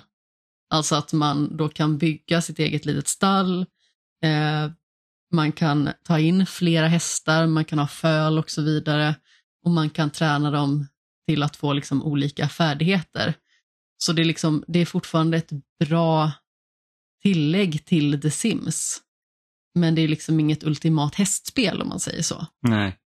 Nej men det är lite så här typ som att ja, men jag har ju det här, eh, kan jag ha liksom husdjur. Och det är också så att ja, men visst man kan ha en hund, man kan ha något mer att ta hand om. Men det liksom ändrar inte jättemycket spelet hur man egentligen spelar. Liksom, heller. Och då har jag haft lite otur med din hund också. Åh gud. Alltså det, det är så himla konstigt. Alltså när jag spelade syns det hända så konstiga grejer. Ehm, så jag, om jag skaffar en hund som jag döper till valpen. ehm, Det var faktiskt en väldigt söt valp också, Ja, jätteliten. Ja, men precis jätteliten. Men, men i alla fall, jag döpte till valpen och sen så i The Sims så är också, det går ju ut liksom på att då ska jag liksom fostra den här hunden och liksom lära den eh, hyfs. Och den var jättenöjd som liten valp och man lärde den att inte kissa inne och den fick inte bajsa på mattan och den fick inte typ, dricka ur vattnet och sånt. Och sen så blev den vuxen och då var det precis som att allt det här glömdes bort. Så att den liksom bara såhär, nej den, eh, den, eh, den bara slutade lära sig de grejerna så, så började den kissa inne igen. Så att den kissade inne i badrummet, rullade runt i sitt eget kiss och sen började den dricka ur sin kisspöl. Vilket visar att okej, men då måste man se åt hunden att ett, du får inte kissa inne. Två, du får inte rulla i vattnet. Tre, du får inte dricka ditt kiss. och då blev min hund så ledsen så att den rymde. Alltså direkt, det var verkligen så här, man bara, Väldigt dålig karaktär på den hunden. Ja men faktiskt. Så då blev det så här, "Jaha, så nu, nu är min hund borta. Så fick man liksom så posta så på nätet, så här typ att ah, min hund är borta, kan liksom eh, hjälpa mig att hitta den typ. Hjälp, min hund rymde hemifrån för att jag skällde för att den bajsade inomhus. Den kissade in. Men så här, den, den, den kissade inte bara inomhus, den rullade runt i sitt kiss och den drack sitt kiss. Jag tycker att det var... eh, Jag, Bajsade tyckte, den inte inomhus också?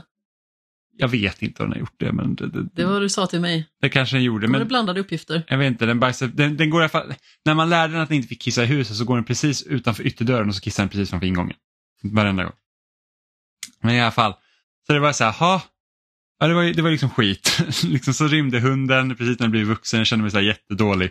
Men, men ja, så fick jag liksom så hjälpa den. Eh, och sen det är lite så oklart också hur man ska ta hand om djuret i The Sims. För det är så att okej, jag kan ha en matskål men jag kan inte ha en vattenskål. Jag vet liksom inte vilka typ av objekt den här hu husdjuret behöver ha för att den liksom ska må bra. Så man får liksom typ lite gissa sig till. Så, så det blir lite av en sån här ja, men, test liksom då med valpen. Så Sen så var det så att okej, men den vill gå på promenad. Den började, liksom så här, den började gnälla för att den får inte tillräckligt med motion. Jag tänkte, ja men då ska jag gå ut på promenad. Det här var mitt i vintern. Och då tänkte jag, då ska jag ta då, så min karaktär kom precis hem från jobbet. precis blivit befordrad. Jag är numera en B-kändis. Som min, min karaktär som jag har skapat och han, hans eh, mål och ambition är att bli liksom en skådespelare. Då. Eller ja, jag är en skådespelare och sen så gäller det att öka liksom i, i fame och sånt. Eh, och precis blivit B-kändis, liksom folk eh, börjar liksom eh, De kan, de kan känna igen mig, jag kan skriva autografer, jag kan ta selfies med folk. Det är liksom så här att ja, men, eh, livet går bra. Och så kom jag hem då och min hund så här, bara, ah, jag vill gå ut. Och jag var så här, okej okay, men då, då, ska jag ta dig på en lång promenad. Och i The Sims i vanliga fall så är det så här att när simmarna gör någonting där som kräver ombyte så byter de om automatiskt. Typ Går man och duschar så går man inte och duschar på med kläderna utan man byter om. Ska man till jobbet så byter den om. Alltså jag behöver inte säga åt simmen så här, att sätt på dig jobbkläderna, den gör det automatiskt. Så jag var så här, ah, men vad, okej okay, nu har inte jag gått ut med den här hunden på skitlänge kändes det som. Eller jag har säkert aldrig gått ut på en lång promenad med den här hunden. Så jag tänkte, ja men då går jag på en lång promenad. Det borde ju vara bra, liksom. en, en lång promenad så får den verkligen gå. Så att min sim sticker iväg med hunden och jag är så här, att, ah, ja, eh, ja, pillar lite med eh, min fru Sim då. Så hon, hon är författare så hon får sitta och skriva på någon bok och jag tittar liksom så att okej okay, men vilka, vilka grejer behöver min Sim göra när han kommer hem, ge hunden mat, lite sånt. Så går det en liten tid och sen så bara så här att får jag ett varningsmeddelande längst upp så här, att ah, men det är så jävla kallt ute så att din sim riskerar att dö.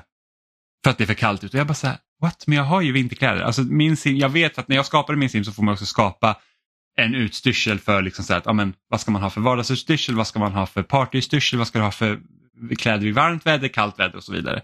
Och jag tänkte att det är konstigt, han borde ha bytt till sin liksom vinter. Alltså, vem går ut och tar en lång promenad mitt i vintern när det typ snöar och inte byter om sina vinterkläder? Min sim gjorde det. Så att jag bara så här, när jag fick upp det i varningsmeddelandet, jag bara okej, okay, tryck på gå hem-knappen direkt. Liksom. Han gick väl ut i bara jarlingar? Nej, han gick faktiskt ut i shorts och linne så det var liksom inte, han var inte näck direkt utan det, det var ju ändå, han var sommarklädd, han var typ träningsklädd tror jag till och med.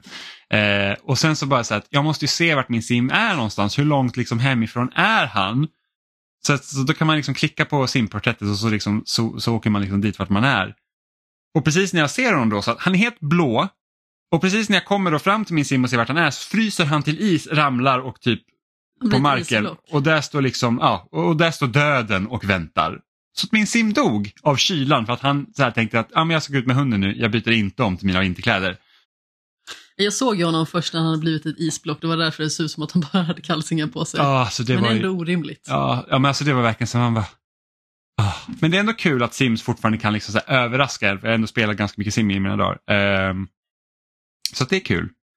Um, jag laddade om min sparfil, jag tänkte inte låta min nyblivande B-kändis dö när jag liksom kämpat så länge.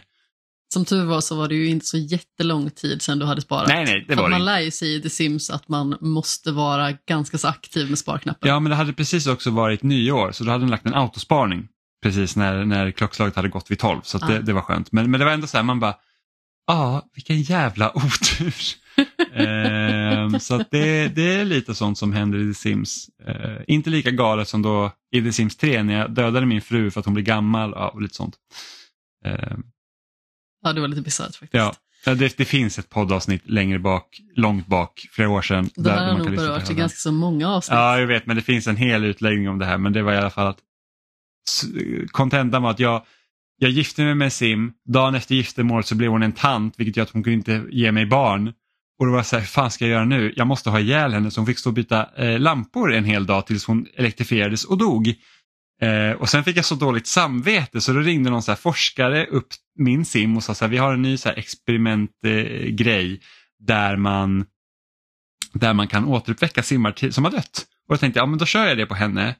Och experimentet misslyckades så hon blev liksom ett, ett en ett- vålnad. Eh, Ja, men precis. Hon hon blev ett spöke som jag kunde liksom kontrollera. Så hon fick då bo med mig i mitt hus som ett spöke. Så rätt som det var så kunde hon liksom börja skrämmas och lite sånt. Men, och, och man behövde inte liksom täcka hennes behov för att hon var död. Eh, men så hon, hon levde liksom där tillsammans med mig och jag gifte mig med en ny kvinna och skaffade barn och så var det, passade det väldigt bra att då det här spöket kunde ju vara barnvakt och liksom ta hand om barnen när mina simmar sov. Eh, och sen till slut blev mitt familj, alltså min familj blev så stor så att eh, det, liksom, det finns inte plats i hushållet längre så då, då skickade jag ut henne. Så sen så bodde hon i stadens, eh, på stadens torg och spökade. Det var vad som hände. Ja.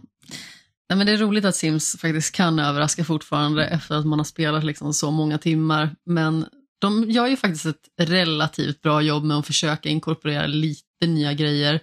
Till exempel så har jag ju skaffat de här expansionerna Snowy Escape som fokuserar liksom lite mer på en skidort. Det finns ju Realm of Magic och Strangerville till exempel. Eh, så det är expansioner som jag har spelat och nosat på lite granna. Men det känns ju ändå som att det är här jag kom tillbaka till The Sims lite grann och jag tror ju att draghjälpen från dig kan ha varit rätt så betydande för att vi har ju suttit bredvid varandra och spelat och det ger ju också någon form av inspiration i brist på bättre ord. Just bara för att man känner att man vill fortsätta. Man ser att du har kul, du gör dina saker, du bygger ditt hus, du bygger upp dina förhållanden. Då vill man ju också göra detsamma och framförallt när man har ett recensionsspel så vill man ju ge det en ärlig chans. Jag tror att det blir lättare då att faktiskt komma in i det igen. Så nu känner jag ju att det här är ju någonting som jag vill återvända till. Och dessutom utforska lite mer av de här olika expansionerna. Och jag har faktiskt skaffat det här husdjurspaketet för det fanns någon form av utgåva där man fick både någon form av prylpaket plus liksom själva, om vi säger djurlivsexpansionen. Mm. Och sen så har jag för mig att jag skaffade studentliv också, för det var den expansionen som jag eh, använde mig mest av, tror jag, när jag faktiskt eh, spelade The Sims 2. Det var nog den som jag diggade mest. Väldigt förtjust i liksom hela den här studentmiljön, när man liksom får flytta hemifrån, men man blir inte vuxen direkt, utan man blir liksom den här unga vuxna personen som eh, ska ta sig igenom sina studier på annat håll. Och jag vet inte, i den åldern jag var då så tyckte jag liksom det var väldigt kittlande. För att det var liksom eh, ett trevligt mellanläge på något sätt. Men eh, jag har ju också märkt att nu när jag spelar på konsol, vilket också har varit lite av ett hinder tidigare för att det känns mycket mer intuitivt att spela på PC, så har jag ju också försökt att vara lite lurigare för att det finns ju inte lika lättillgängliga fusk som det gjorde när man spelade på PC. Det var liksom bara att ta upp den här dialogrutan innan, skriva in motherload och så fick man 50 000 sådana här simriksdaler eller vad det heter. Och eh, jag vet liksom inte riktigt hur jag ska få snabba pengar i The Sims på det här viset. Alltså naturligtvis så rollspelar man ju lite och man överanvänder kanske inte motherload. Man vill ju liksom inte att om man rollspelar att simmen ska jobba sig upp så vill man ju inte att de ska ha en miljon på kontot. Men man vill ju ha tillräckligt mycket pengar för att simmen ska klara sig och få de förnödenheter som den behöver. Men i det här fallet så har man liksom sina 20 000 som man börjar med. Och det är liksom det som erbjuds. Och sen så tjänar man ju ganska så lite pengar när man jobbar. Man tjänar ju typ så här 300 per arbetspass eller någonting sånt.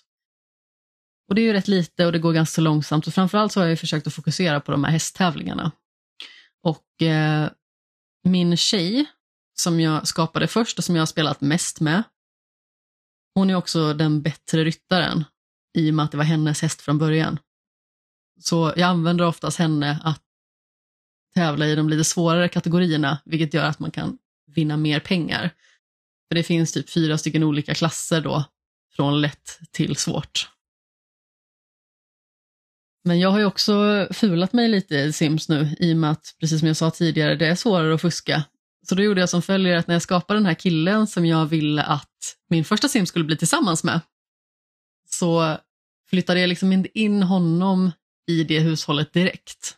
Utan jag gjorde som följer att jag satte honom i ett separat hushåll som var liksom ett eh, omöblerat hus. Jag började möblera det naturligtvis och fixade med hela den biten så att han kunde bo där, och sen kunde de bli vänner, sen blev de tillsammans och sen skulle de flytta ihop. Och då gjorde jag som följer att jag rämnade hela hans tomt med marken. Han fick jättemycket pengar för både huset och möblerna. Sen så flyttade jag ut honom från den här tomten. Han kan ju inte bo där, han har bara en brevlåda. Flyttade in till henne och där gjorde jag om lite grann, som sagt snofsade upp lite för det var ju ett inte så jättetjusigt hus. Det var inget hus jag hade byggt själv utan det var liksom ett av de som erbjöds för de här 20 000 då, omöblerat.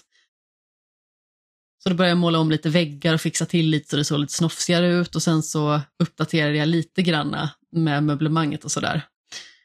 Och sen så bodde de där ett litet tag så kände jag att nej men nu börjar det bli dags att uppgradera. Så då gjorde jag som följer att jag sålde alla möbler i hela hushållet.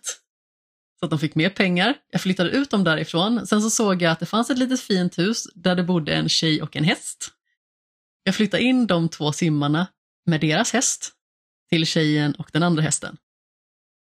Och sen så gjorde jag som följer att jag skickade ut henne. Så hon fick flytta ut utan några pengar. Så jag behöll alla pengarna. Sen så rämnade jag också den tomten med marken så att jag fick ännu mer pengar så att jag kan bygga mitt drömhus och jag fick också en häst på köpet. Så det är en liten skurk. Det är så jag jobbar. Ja, så nu har jag två stycken fina hästar att använda mig av. Du snodde en häst menar du väl? Ja. Hon kommer inte sakna den. Kanske... Hon har inte ens ett hem att Nej, bo precis. i. Nej, hon, hon har- bor bara på världskartan. Hon har större problem. Hon har större problem. Det är mycket bättre att låta Flapjack bo hos mig. Tydligen. Hästtjuven kommer stå sig i Sims Allehanda. Någon, av någon märklig anledning så hus försvinner och hästar blir snodda. Ja, men snart så är det ett drömhus där. Snart ett drömhus där och inte för Flapjacks förra ägare. Nej, Nej, nej. men Flapjack har en ny familj nu. Ja, tydligen. Oliver, du hade spelat The Expanse i veckan. Mm, igår. Igår. Och samma här. Jag spelade också The Expanse igår. Jag kollade ju faktiskt på hela serien inför Telltale-spel faktiskt. Eh, och var en av anledningarna till att jag började kolla på The Expanse bara för att jag ville spela spelet. Eh, och eh, att folk tyckte The Expanse var bra. Rekommenderar Eh, det du här är- serien för folk som inte sett den? Det gör jag. Och om man gillar sci-fi så absolut, se The Expanse. Den är, den är jättebra. Är den. Du har ju även sett Expanse, har du inte det? Jo då. Mm, rekommenderar du serien? Eh, ja. ja, det gör jag. Men Tom- vad tycker du då? Det här blir väl... Det här är väl nya Telltales första spel? Jag tror det va? Och de har fått hjälp av Deck Nine som eh, gjorde senaste Life is Strange. Ja. Och Before the Storm. Ja. Så den typen Det av du spel. åsyftar är True Colors. Ja, men precis. Eh, så vad tycker du om första episoden av The Expanse, Oliver? Det är lovande, är vad jag, vad jag känner mig mest manad till att säga. För att det är väldigt kort. Alltså, jag tror att det tog mig en halvtimme att spela igenom kanske. Ja, 45 minuter. Mm. Och eh, jag hinner liksom inte riktigt få kläm på... Um, jag menar alltså, man, man spelar Corina Drummer, vilk, vilket är en av mina favoritkaraktärer från serien. Så att henne känner man igen och det, hon är spelad av samma skådespelerska som, som spelar henne i serien också. Så att eh, på det, man känner sig hemma med henne direkt. Uh, Mm. ja, och det är en prequel till tv-serien. Precis. Så eh, jag förväntar mig inte att det kommer bli för weird wacko. ehm, med för att Expanse är liksom en, en i jämförelse med an, mycket annan sci-fi man ser, särskilt i tv-format, så är den väldigt...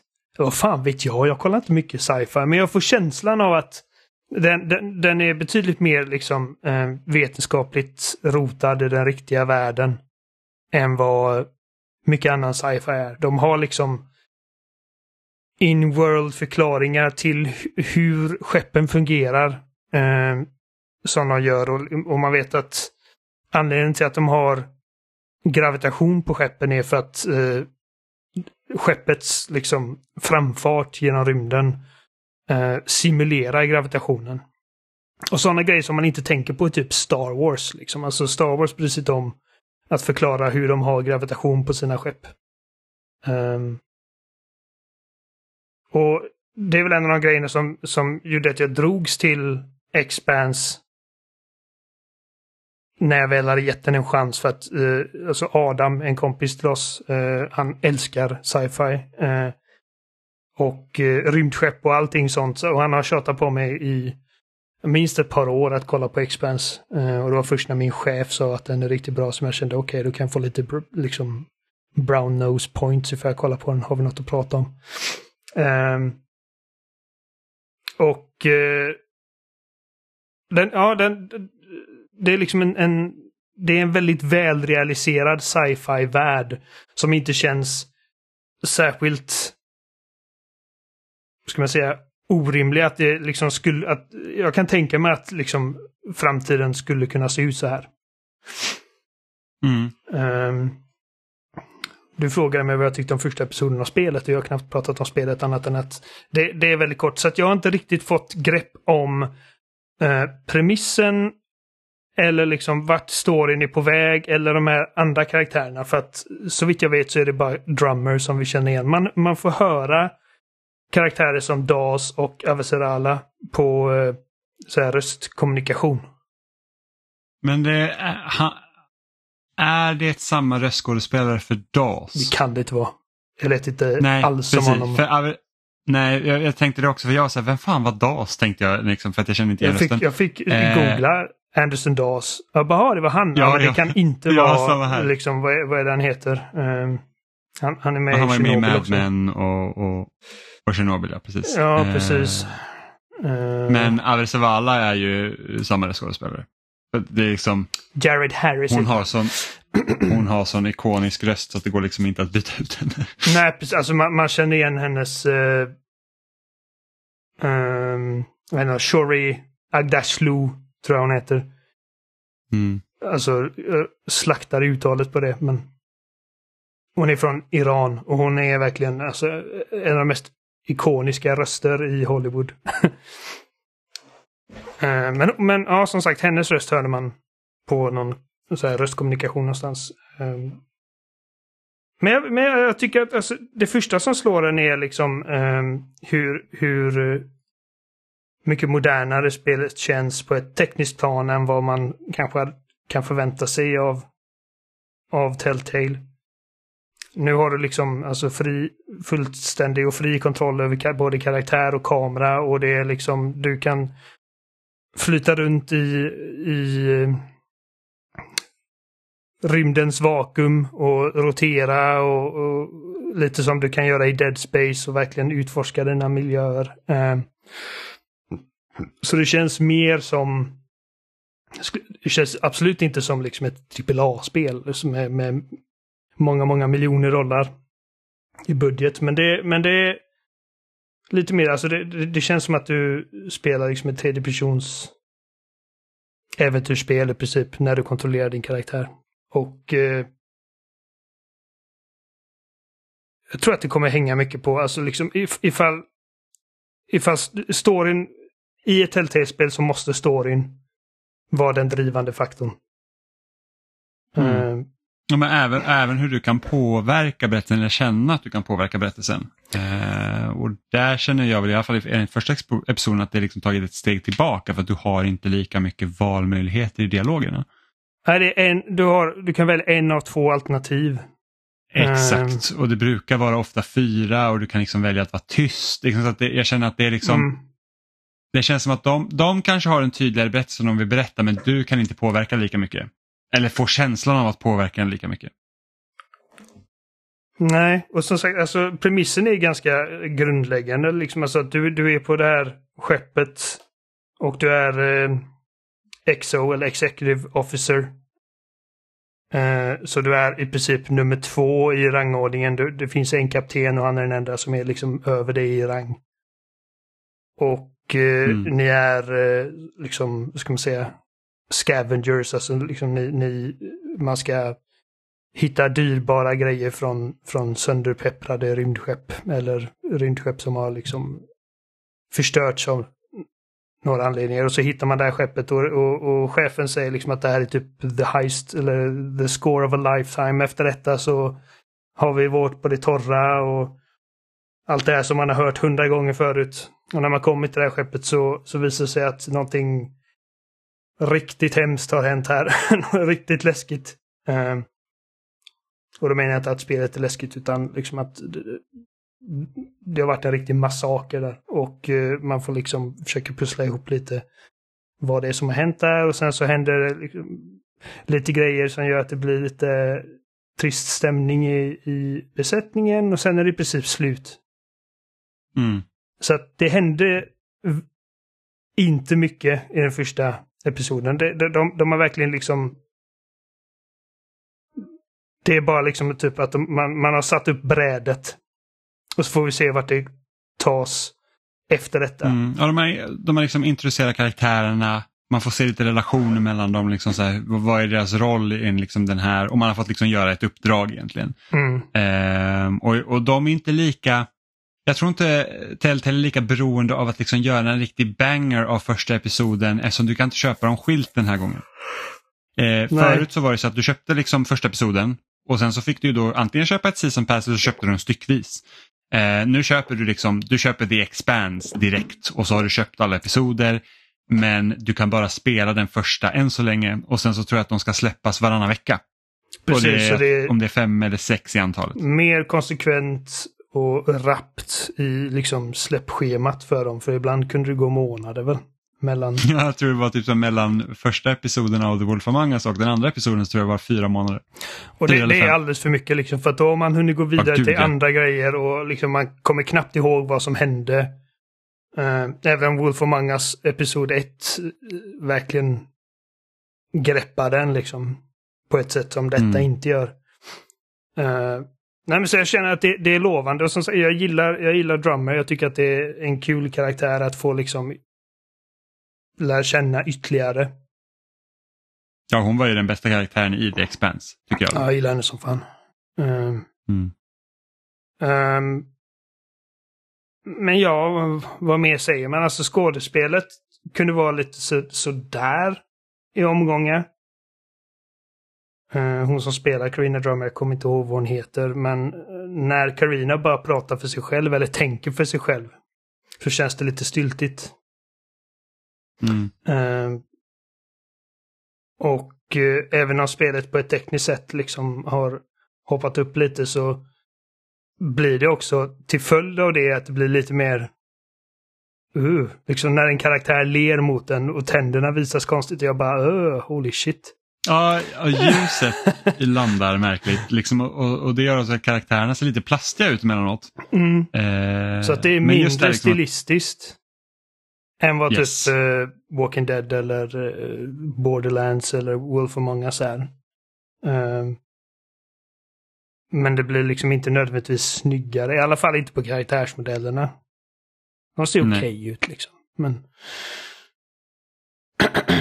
Ehm, men ja, alltså det, det är liksom det klassiska Telltale, liksom att man ställs inför val och även om det är bara att att man kan välja liksom en av två utgångar så är det ändå att man tänker efter och bara okej, jag, vet, jag vet inte riktigt vad jag vill göra här.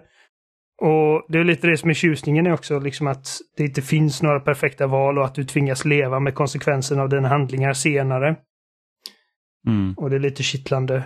Ehm, Ja, det som gör mig lite nervös med den här första eh, episoden det är det att det fanns ju typ ett sidoobjekt i, i spelet. Du skulle hitta en speciell grej för att det, det största, liksom, eller bulken av, av den här episoden är att du kan liksom utforska, för du, du kommer till ett skepp som du ska liksom plundra egentligen, eh, som, som liksom har någon olycka hänt på det här skeppet. Då. mm, Då ska du plundra det men, men liksom hade det varit tidigare spel så är det ofta så att ja, men då, då går du på den här linjära vägen och så går den liksom från A till B och sen liksom är det klart. Du kanske har något rum där du kan liksom gå och undersöka lite grejer tidigare. Men här var man ju faktiskt fri till att liksom utforska ganska stora delar av den här banan helt fritt. Eh, och jag hittar inte den här grejen för att rätt som det var så triggar man en cutscene och man går vidare och du kan inte backa. mhm.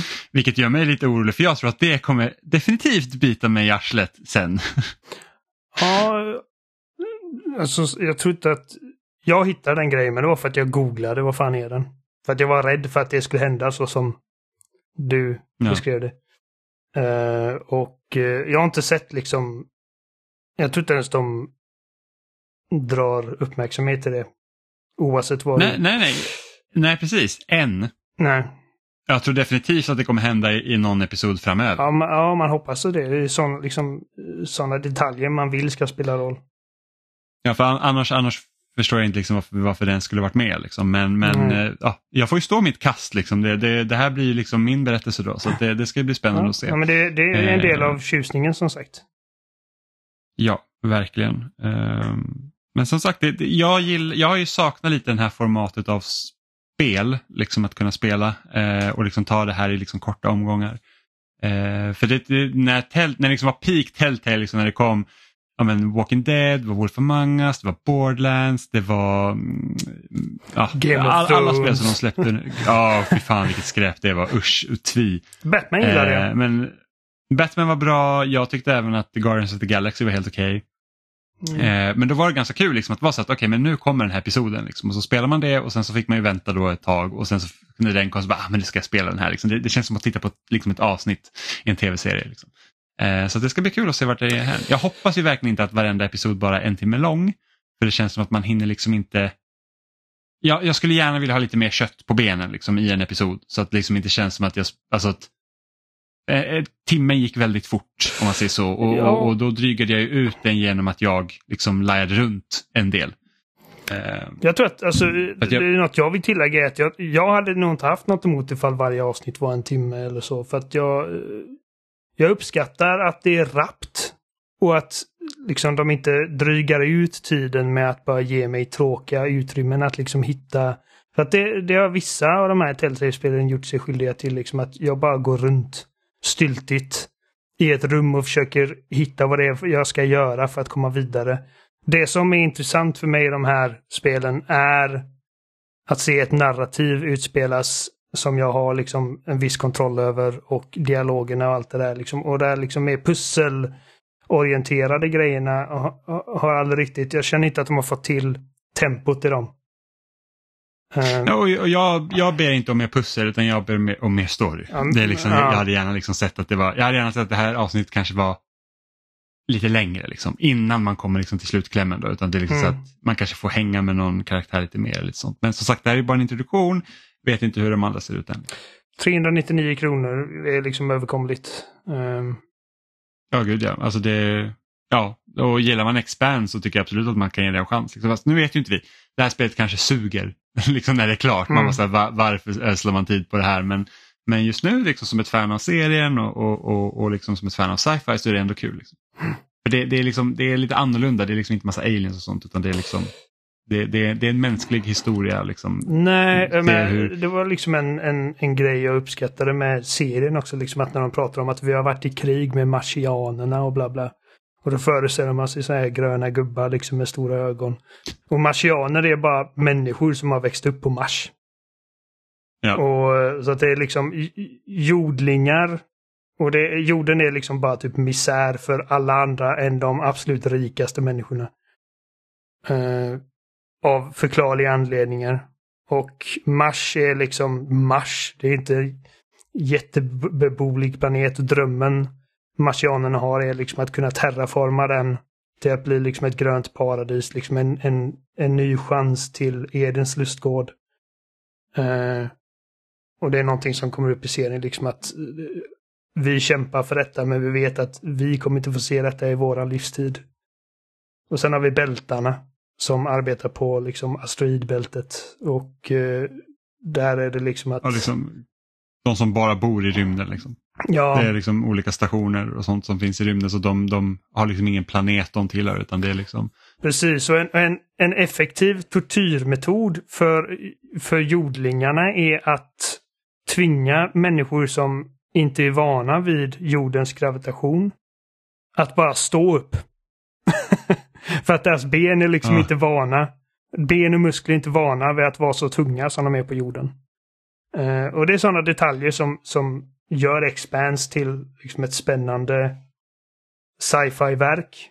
Eh, liksom man har verkligen tänkt på Okej, om, vi, om vi delar upp mänskligheten till de här olika fraktionerna. Vi har, vi har folk på jorden, vi har folk på bältet, och OPA och vi har eh, Mars. Och liksom hur, hur påverkar det människor kulturellt att växa upp på de här platserna?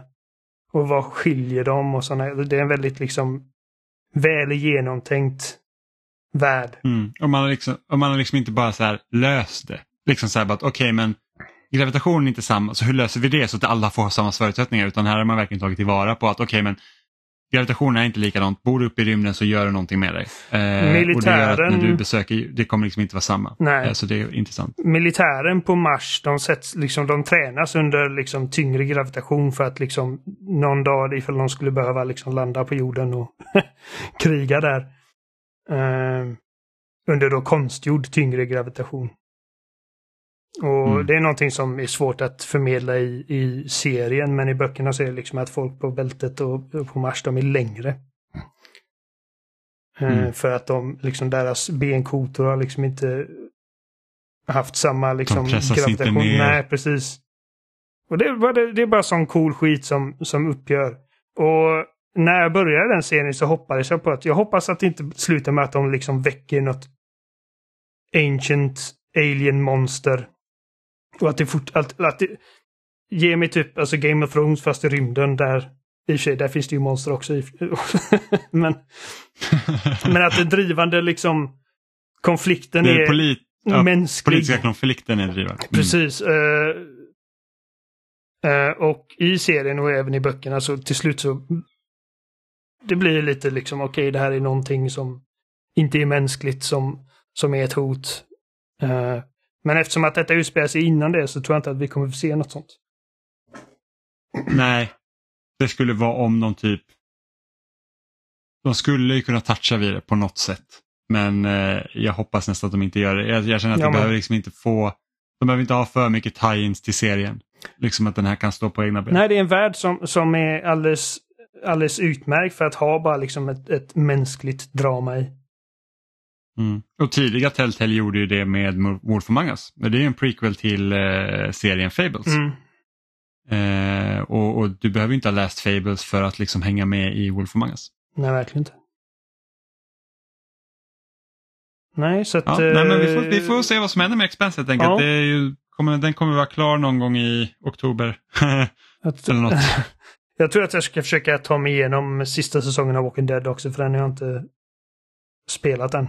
Ja, du har inte- ja, Okej. Mm. Ja, den, eh, den var bättre än tredje säsongen. Kan man säga. Okej, ja. Tycker ändå tredje var okej. Ja, den var okej. Även men om jag inte liksom- minns ett skit från den. Alltså, eh, Nej, men första och andra säsongen är ju ändå liksom det som är riktigt bra. andra, jag vet att eh, när andra kom så spelade första avsnittet och sen så blev det inte att jag fortsatte för mycket senare och vid det laget så hade jag liksom fått den uppfattningen att liksom konsensusen är att det inte alls är lika bra som första. Så att jag, jag hade lägre ställt för förväntningar men andra säsongen alltså den, den, den greppar mig ganska hårt alltså.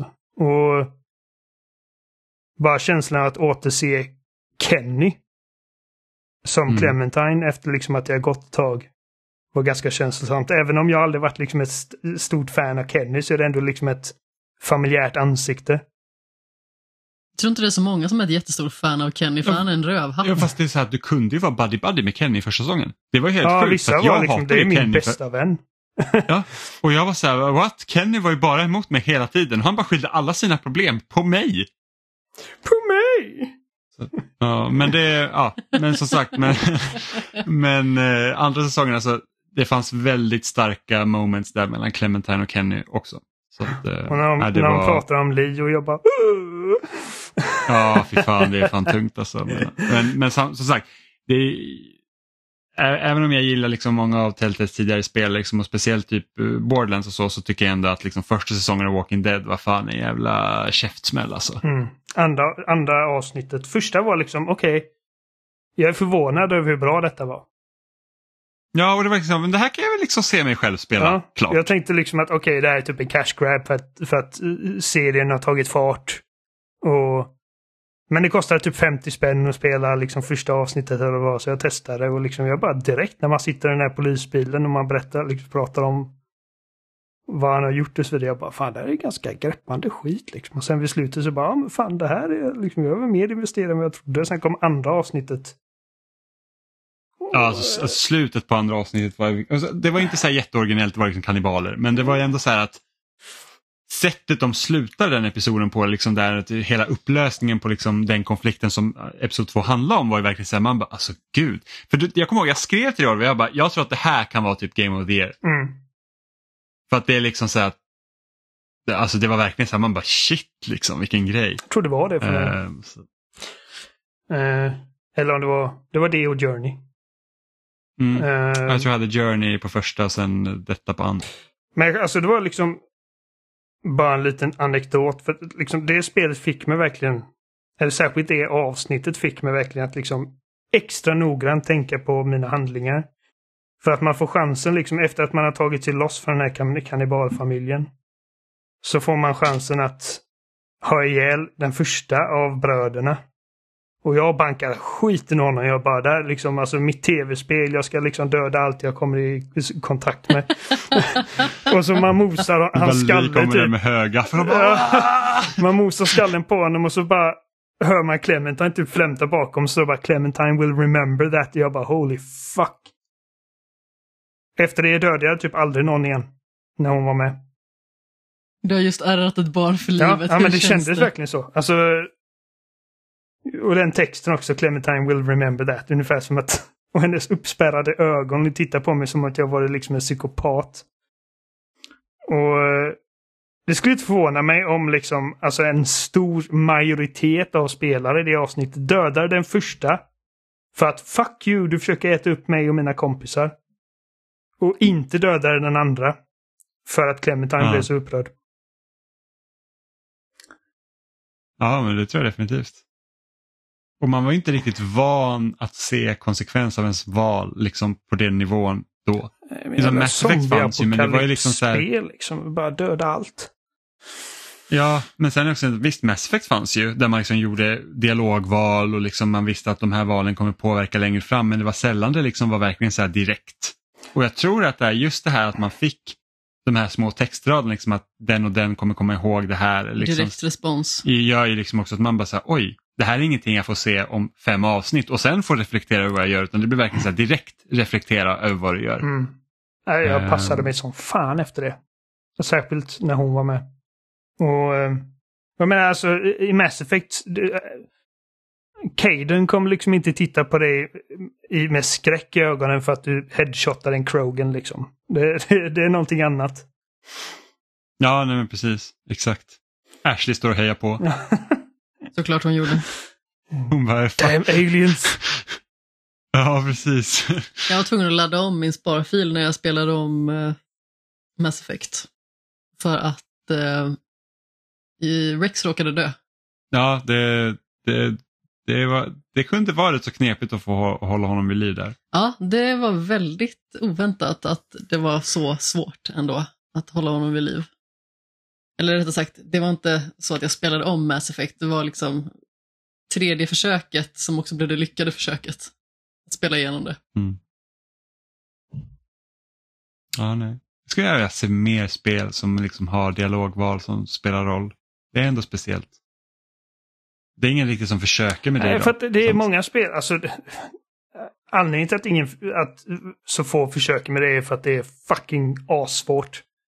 Ja, ja, det är jättesvårt. och, Mardröm. ingen, och sen ingen idag skulle göra som Bioware gjorde i mitten av 2000-talet och bara, ja vi gör en trilogi. Jag bara låser sig att- liksom till... Ja, men det är så här att okej, men säg att någon, säg att någon, ja, men säg att Mass Effect ska skapas idag liksom. Så kommer Mass Effect ut i år. Och när får du Mass Effect 2? Om kanske 7-8 år. Och sen så liksom, ja då kommer det ut och sen hur lång tid tar det att utveckla ett Mass Effect 3? Det har vi ingen aning om. Så det är liksom, och då ska du ha en sparfil som följer igenom, det, det, det funkar ju liksom inte, då, då kan det inte vara av den liksom, det kan inte se ut som liksom ett, ett AAA-spel ser ut idag. det var, För att det finns liksom inte, eh, ja. Streckgubbar, men du har dialogval. ja men precis, ja, men det hade man ju kunnat göra. ja, det, det, Alltså, det är vanligt Thomas att man Vassalone liksom... är ju ganska gripande och det är bara kuber.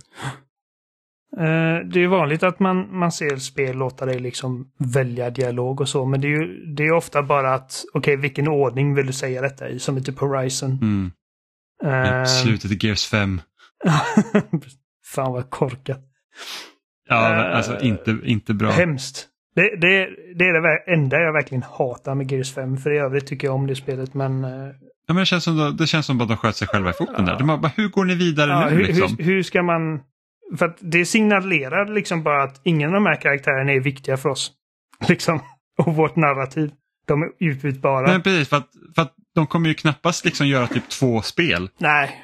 Liksom, Gear 6 kommer ju inte vara liksom helt olikt beroende på vilken karaktär som finns kvar. Kanske vi får äta upp våra ord när Gear 6 kommer och det är liksom två Ja, det helt kanske olika är kampanjer. superambi- superambitiöst. Liksom. Det är typ så här Witcher 2 deluxe. Man bara wow! Måste spela om femman för att se hur det händer här. Mm. Liksom. Nej. Ja, ja, så att det... Nej, men jag, jag har ju läst den här Jason Schreiers bok, eh, vad den heter, Blood, någonting, någonting. Sweat and Pixels. Ja, Blood, Sweat and Pixels. Blood, sweat Eh, and Jag kommer inte ihåg vilken av dem du läste. Nej, men det var den jag läst. Eh, och där fanns det ju ett avsnitt om Dragon Age Inquisition. Och där man också liksom kunde läsa de problemen som Bioware har haft och liksom med, med Mass Effect 3 och, liksom, och även Dragon Age 2, hur liten tid de hade på sig att utveckla sina spel. Alltså, Dragon Age, alltså första Dragon Age utvecklades på sju år. Dragon Age 2 utvecklades på 18 månader. Helt sinnessjukt för att EA behövde ha ut ett spel. Liksom. Eh, och Mass Effect 3 utvecklades också på så superkort tid, vilket liksom skulle vara avsluta liksom typ den mest så här, liksom superkritiskt liksom positiva serien någonsin nästan. Eh, så att ja. Det, det, Ja, man bara läser så här alla beslut. Nej, gud nej. Men man bara läser så här alla så här dumma beslut som har tagits och liksom hur svårt det är att göra spel. Eh, kan rekommendera den boken, jättebra. Nästan Faktiskt. alltid eh, beslut gjorda på toppen också. Ja, men sen också så här att hur ska vi kunna liksom estimera hur lång tid de här grejerna tar när vi inte vet vilka problem vi kan hamna på på vägen? Mm. Det är också den grejen. Så här, vi, vi liksom, vi, man kan ju bara gissa så här att okej, men vi tror att så här så här lång tid kommer det ta och det kommer kräva så här så här mycket pengar och sen så uppstår problem. Det är typ det är bara så här läsa så här avsnittet om Halo Wars och så bara så här, ja men typ ett halvår innan spelet släpptes så var så här, "Ah, vi lägger ner studion. Så att eh, ni får vara kvar och göra klart spelet och sen är det typ bye bye. Bara, kul. kul att gå till jobbet liksom. Mm. så att, ja, äh, men alltså är man intresserad av spelutveckling och spel överlag så köp den boken och läs den. Eh, den, den var verkligen jättebra och speciellt så här, sista kapitlet handlar om Star Wars 1313. Vilket är väldigt kul för att det spelet släpptes ju aldrig. Nej. Eh, eftersom Lucas eh, Art Games la, lades ju ner när Disney köpte eh, Lucas Art. Så att eh, det var också intressant och det nu, nu vet jag att nu är det säkert massa personer där som har rosa skimrande glasögon när de pratar om sitt spel men alltså det lät det lät som ett väldigt spännande projekt som det är så otroligt synd att inte det hände någonting med. Mm. Apropå Telltale så fick jag för övrigt hem eh, Guardians of the Galaxy-spelet häromdagen. Det är ett spel som har varit ganska svårt att få tag i för en eh, överkomlig peng i och med att vissa Telltale-spel inte finns på Playstation Store längre. Nej, nej, all, nej, precis. När de lades ner så vissa, Ja, vissa spel säljs inte längre. men så det kanske ni får höra om eh, inom en relativt överskådlig framtid. Det har ju legat i Ja, skämshögen. förmodligen inte i år. Tycker jag att du ska vara snäll. Jag är snäll. Kunde ha sagt de närmaste fem åren. Jag måste bajsa. Jag tror- Kan vi avrunda? Vi ska avrunda. Mm, tack. Ha så kul på toaletten. Oliver. Åh, jag sitter i präriehundaren. Jag hör inte Oliver längre. Ja, men Oliver är med. Konstigt. Eh, Man säger bara så för att jag sa bajs. Men, men som sagt, eh, ni hittar oss som vanligt på spelsnack.com och där finns också alla länkar till ställen finns som Twitter, Facebook, YouTube, Spotify, Instagram, Apple Podcast. Vi finns överallt där du kan lyssna på podcasts. Ni kan mejla till oss på kontaktetspelsnack.com om ni har åsikter eller ställa frågor eller ja, varför inte det kommentera i några av våra sociala medier. Eh, vi läggs också upp varje vecka på loading.se där ni också kan kommentera på avsnitten. Så hörs vi igen om en vecka. Hej då! Puss i Puss ömsken. på er.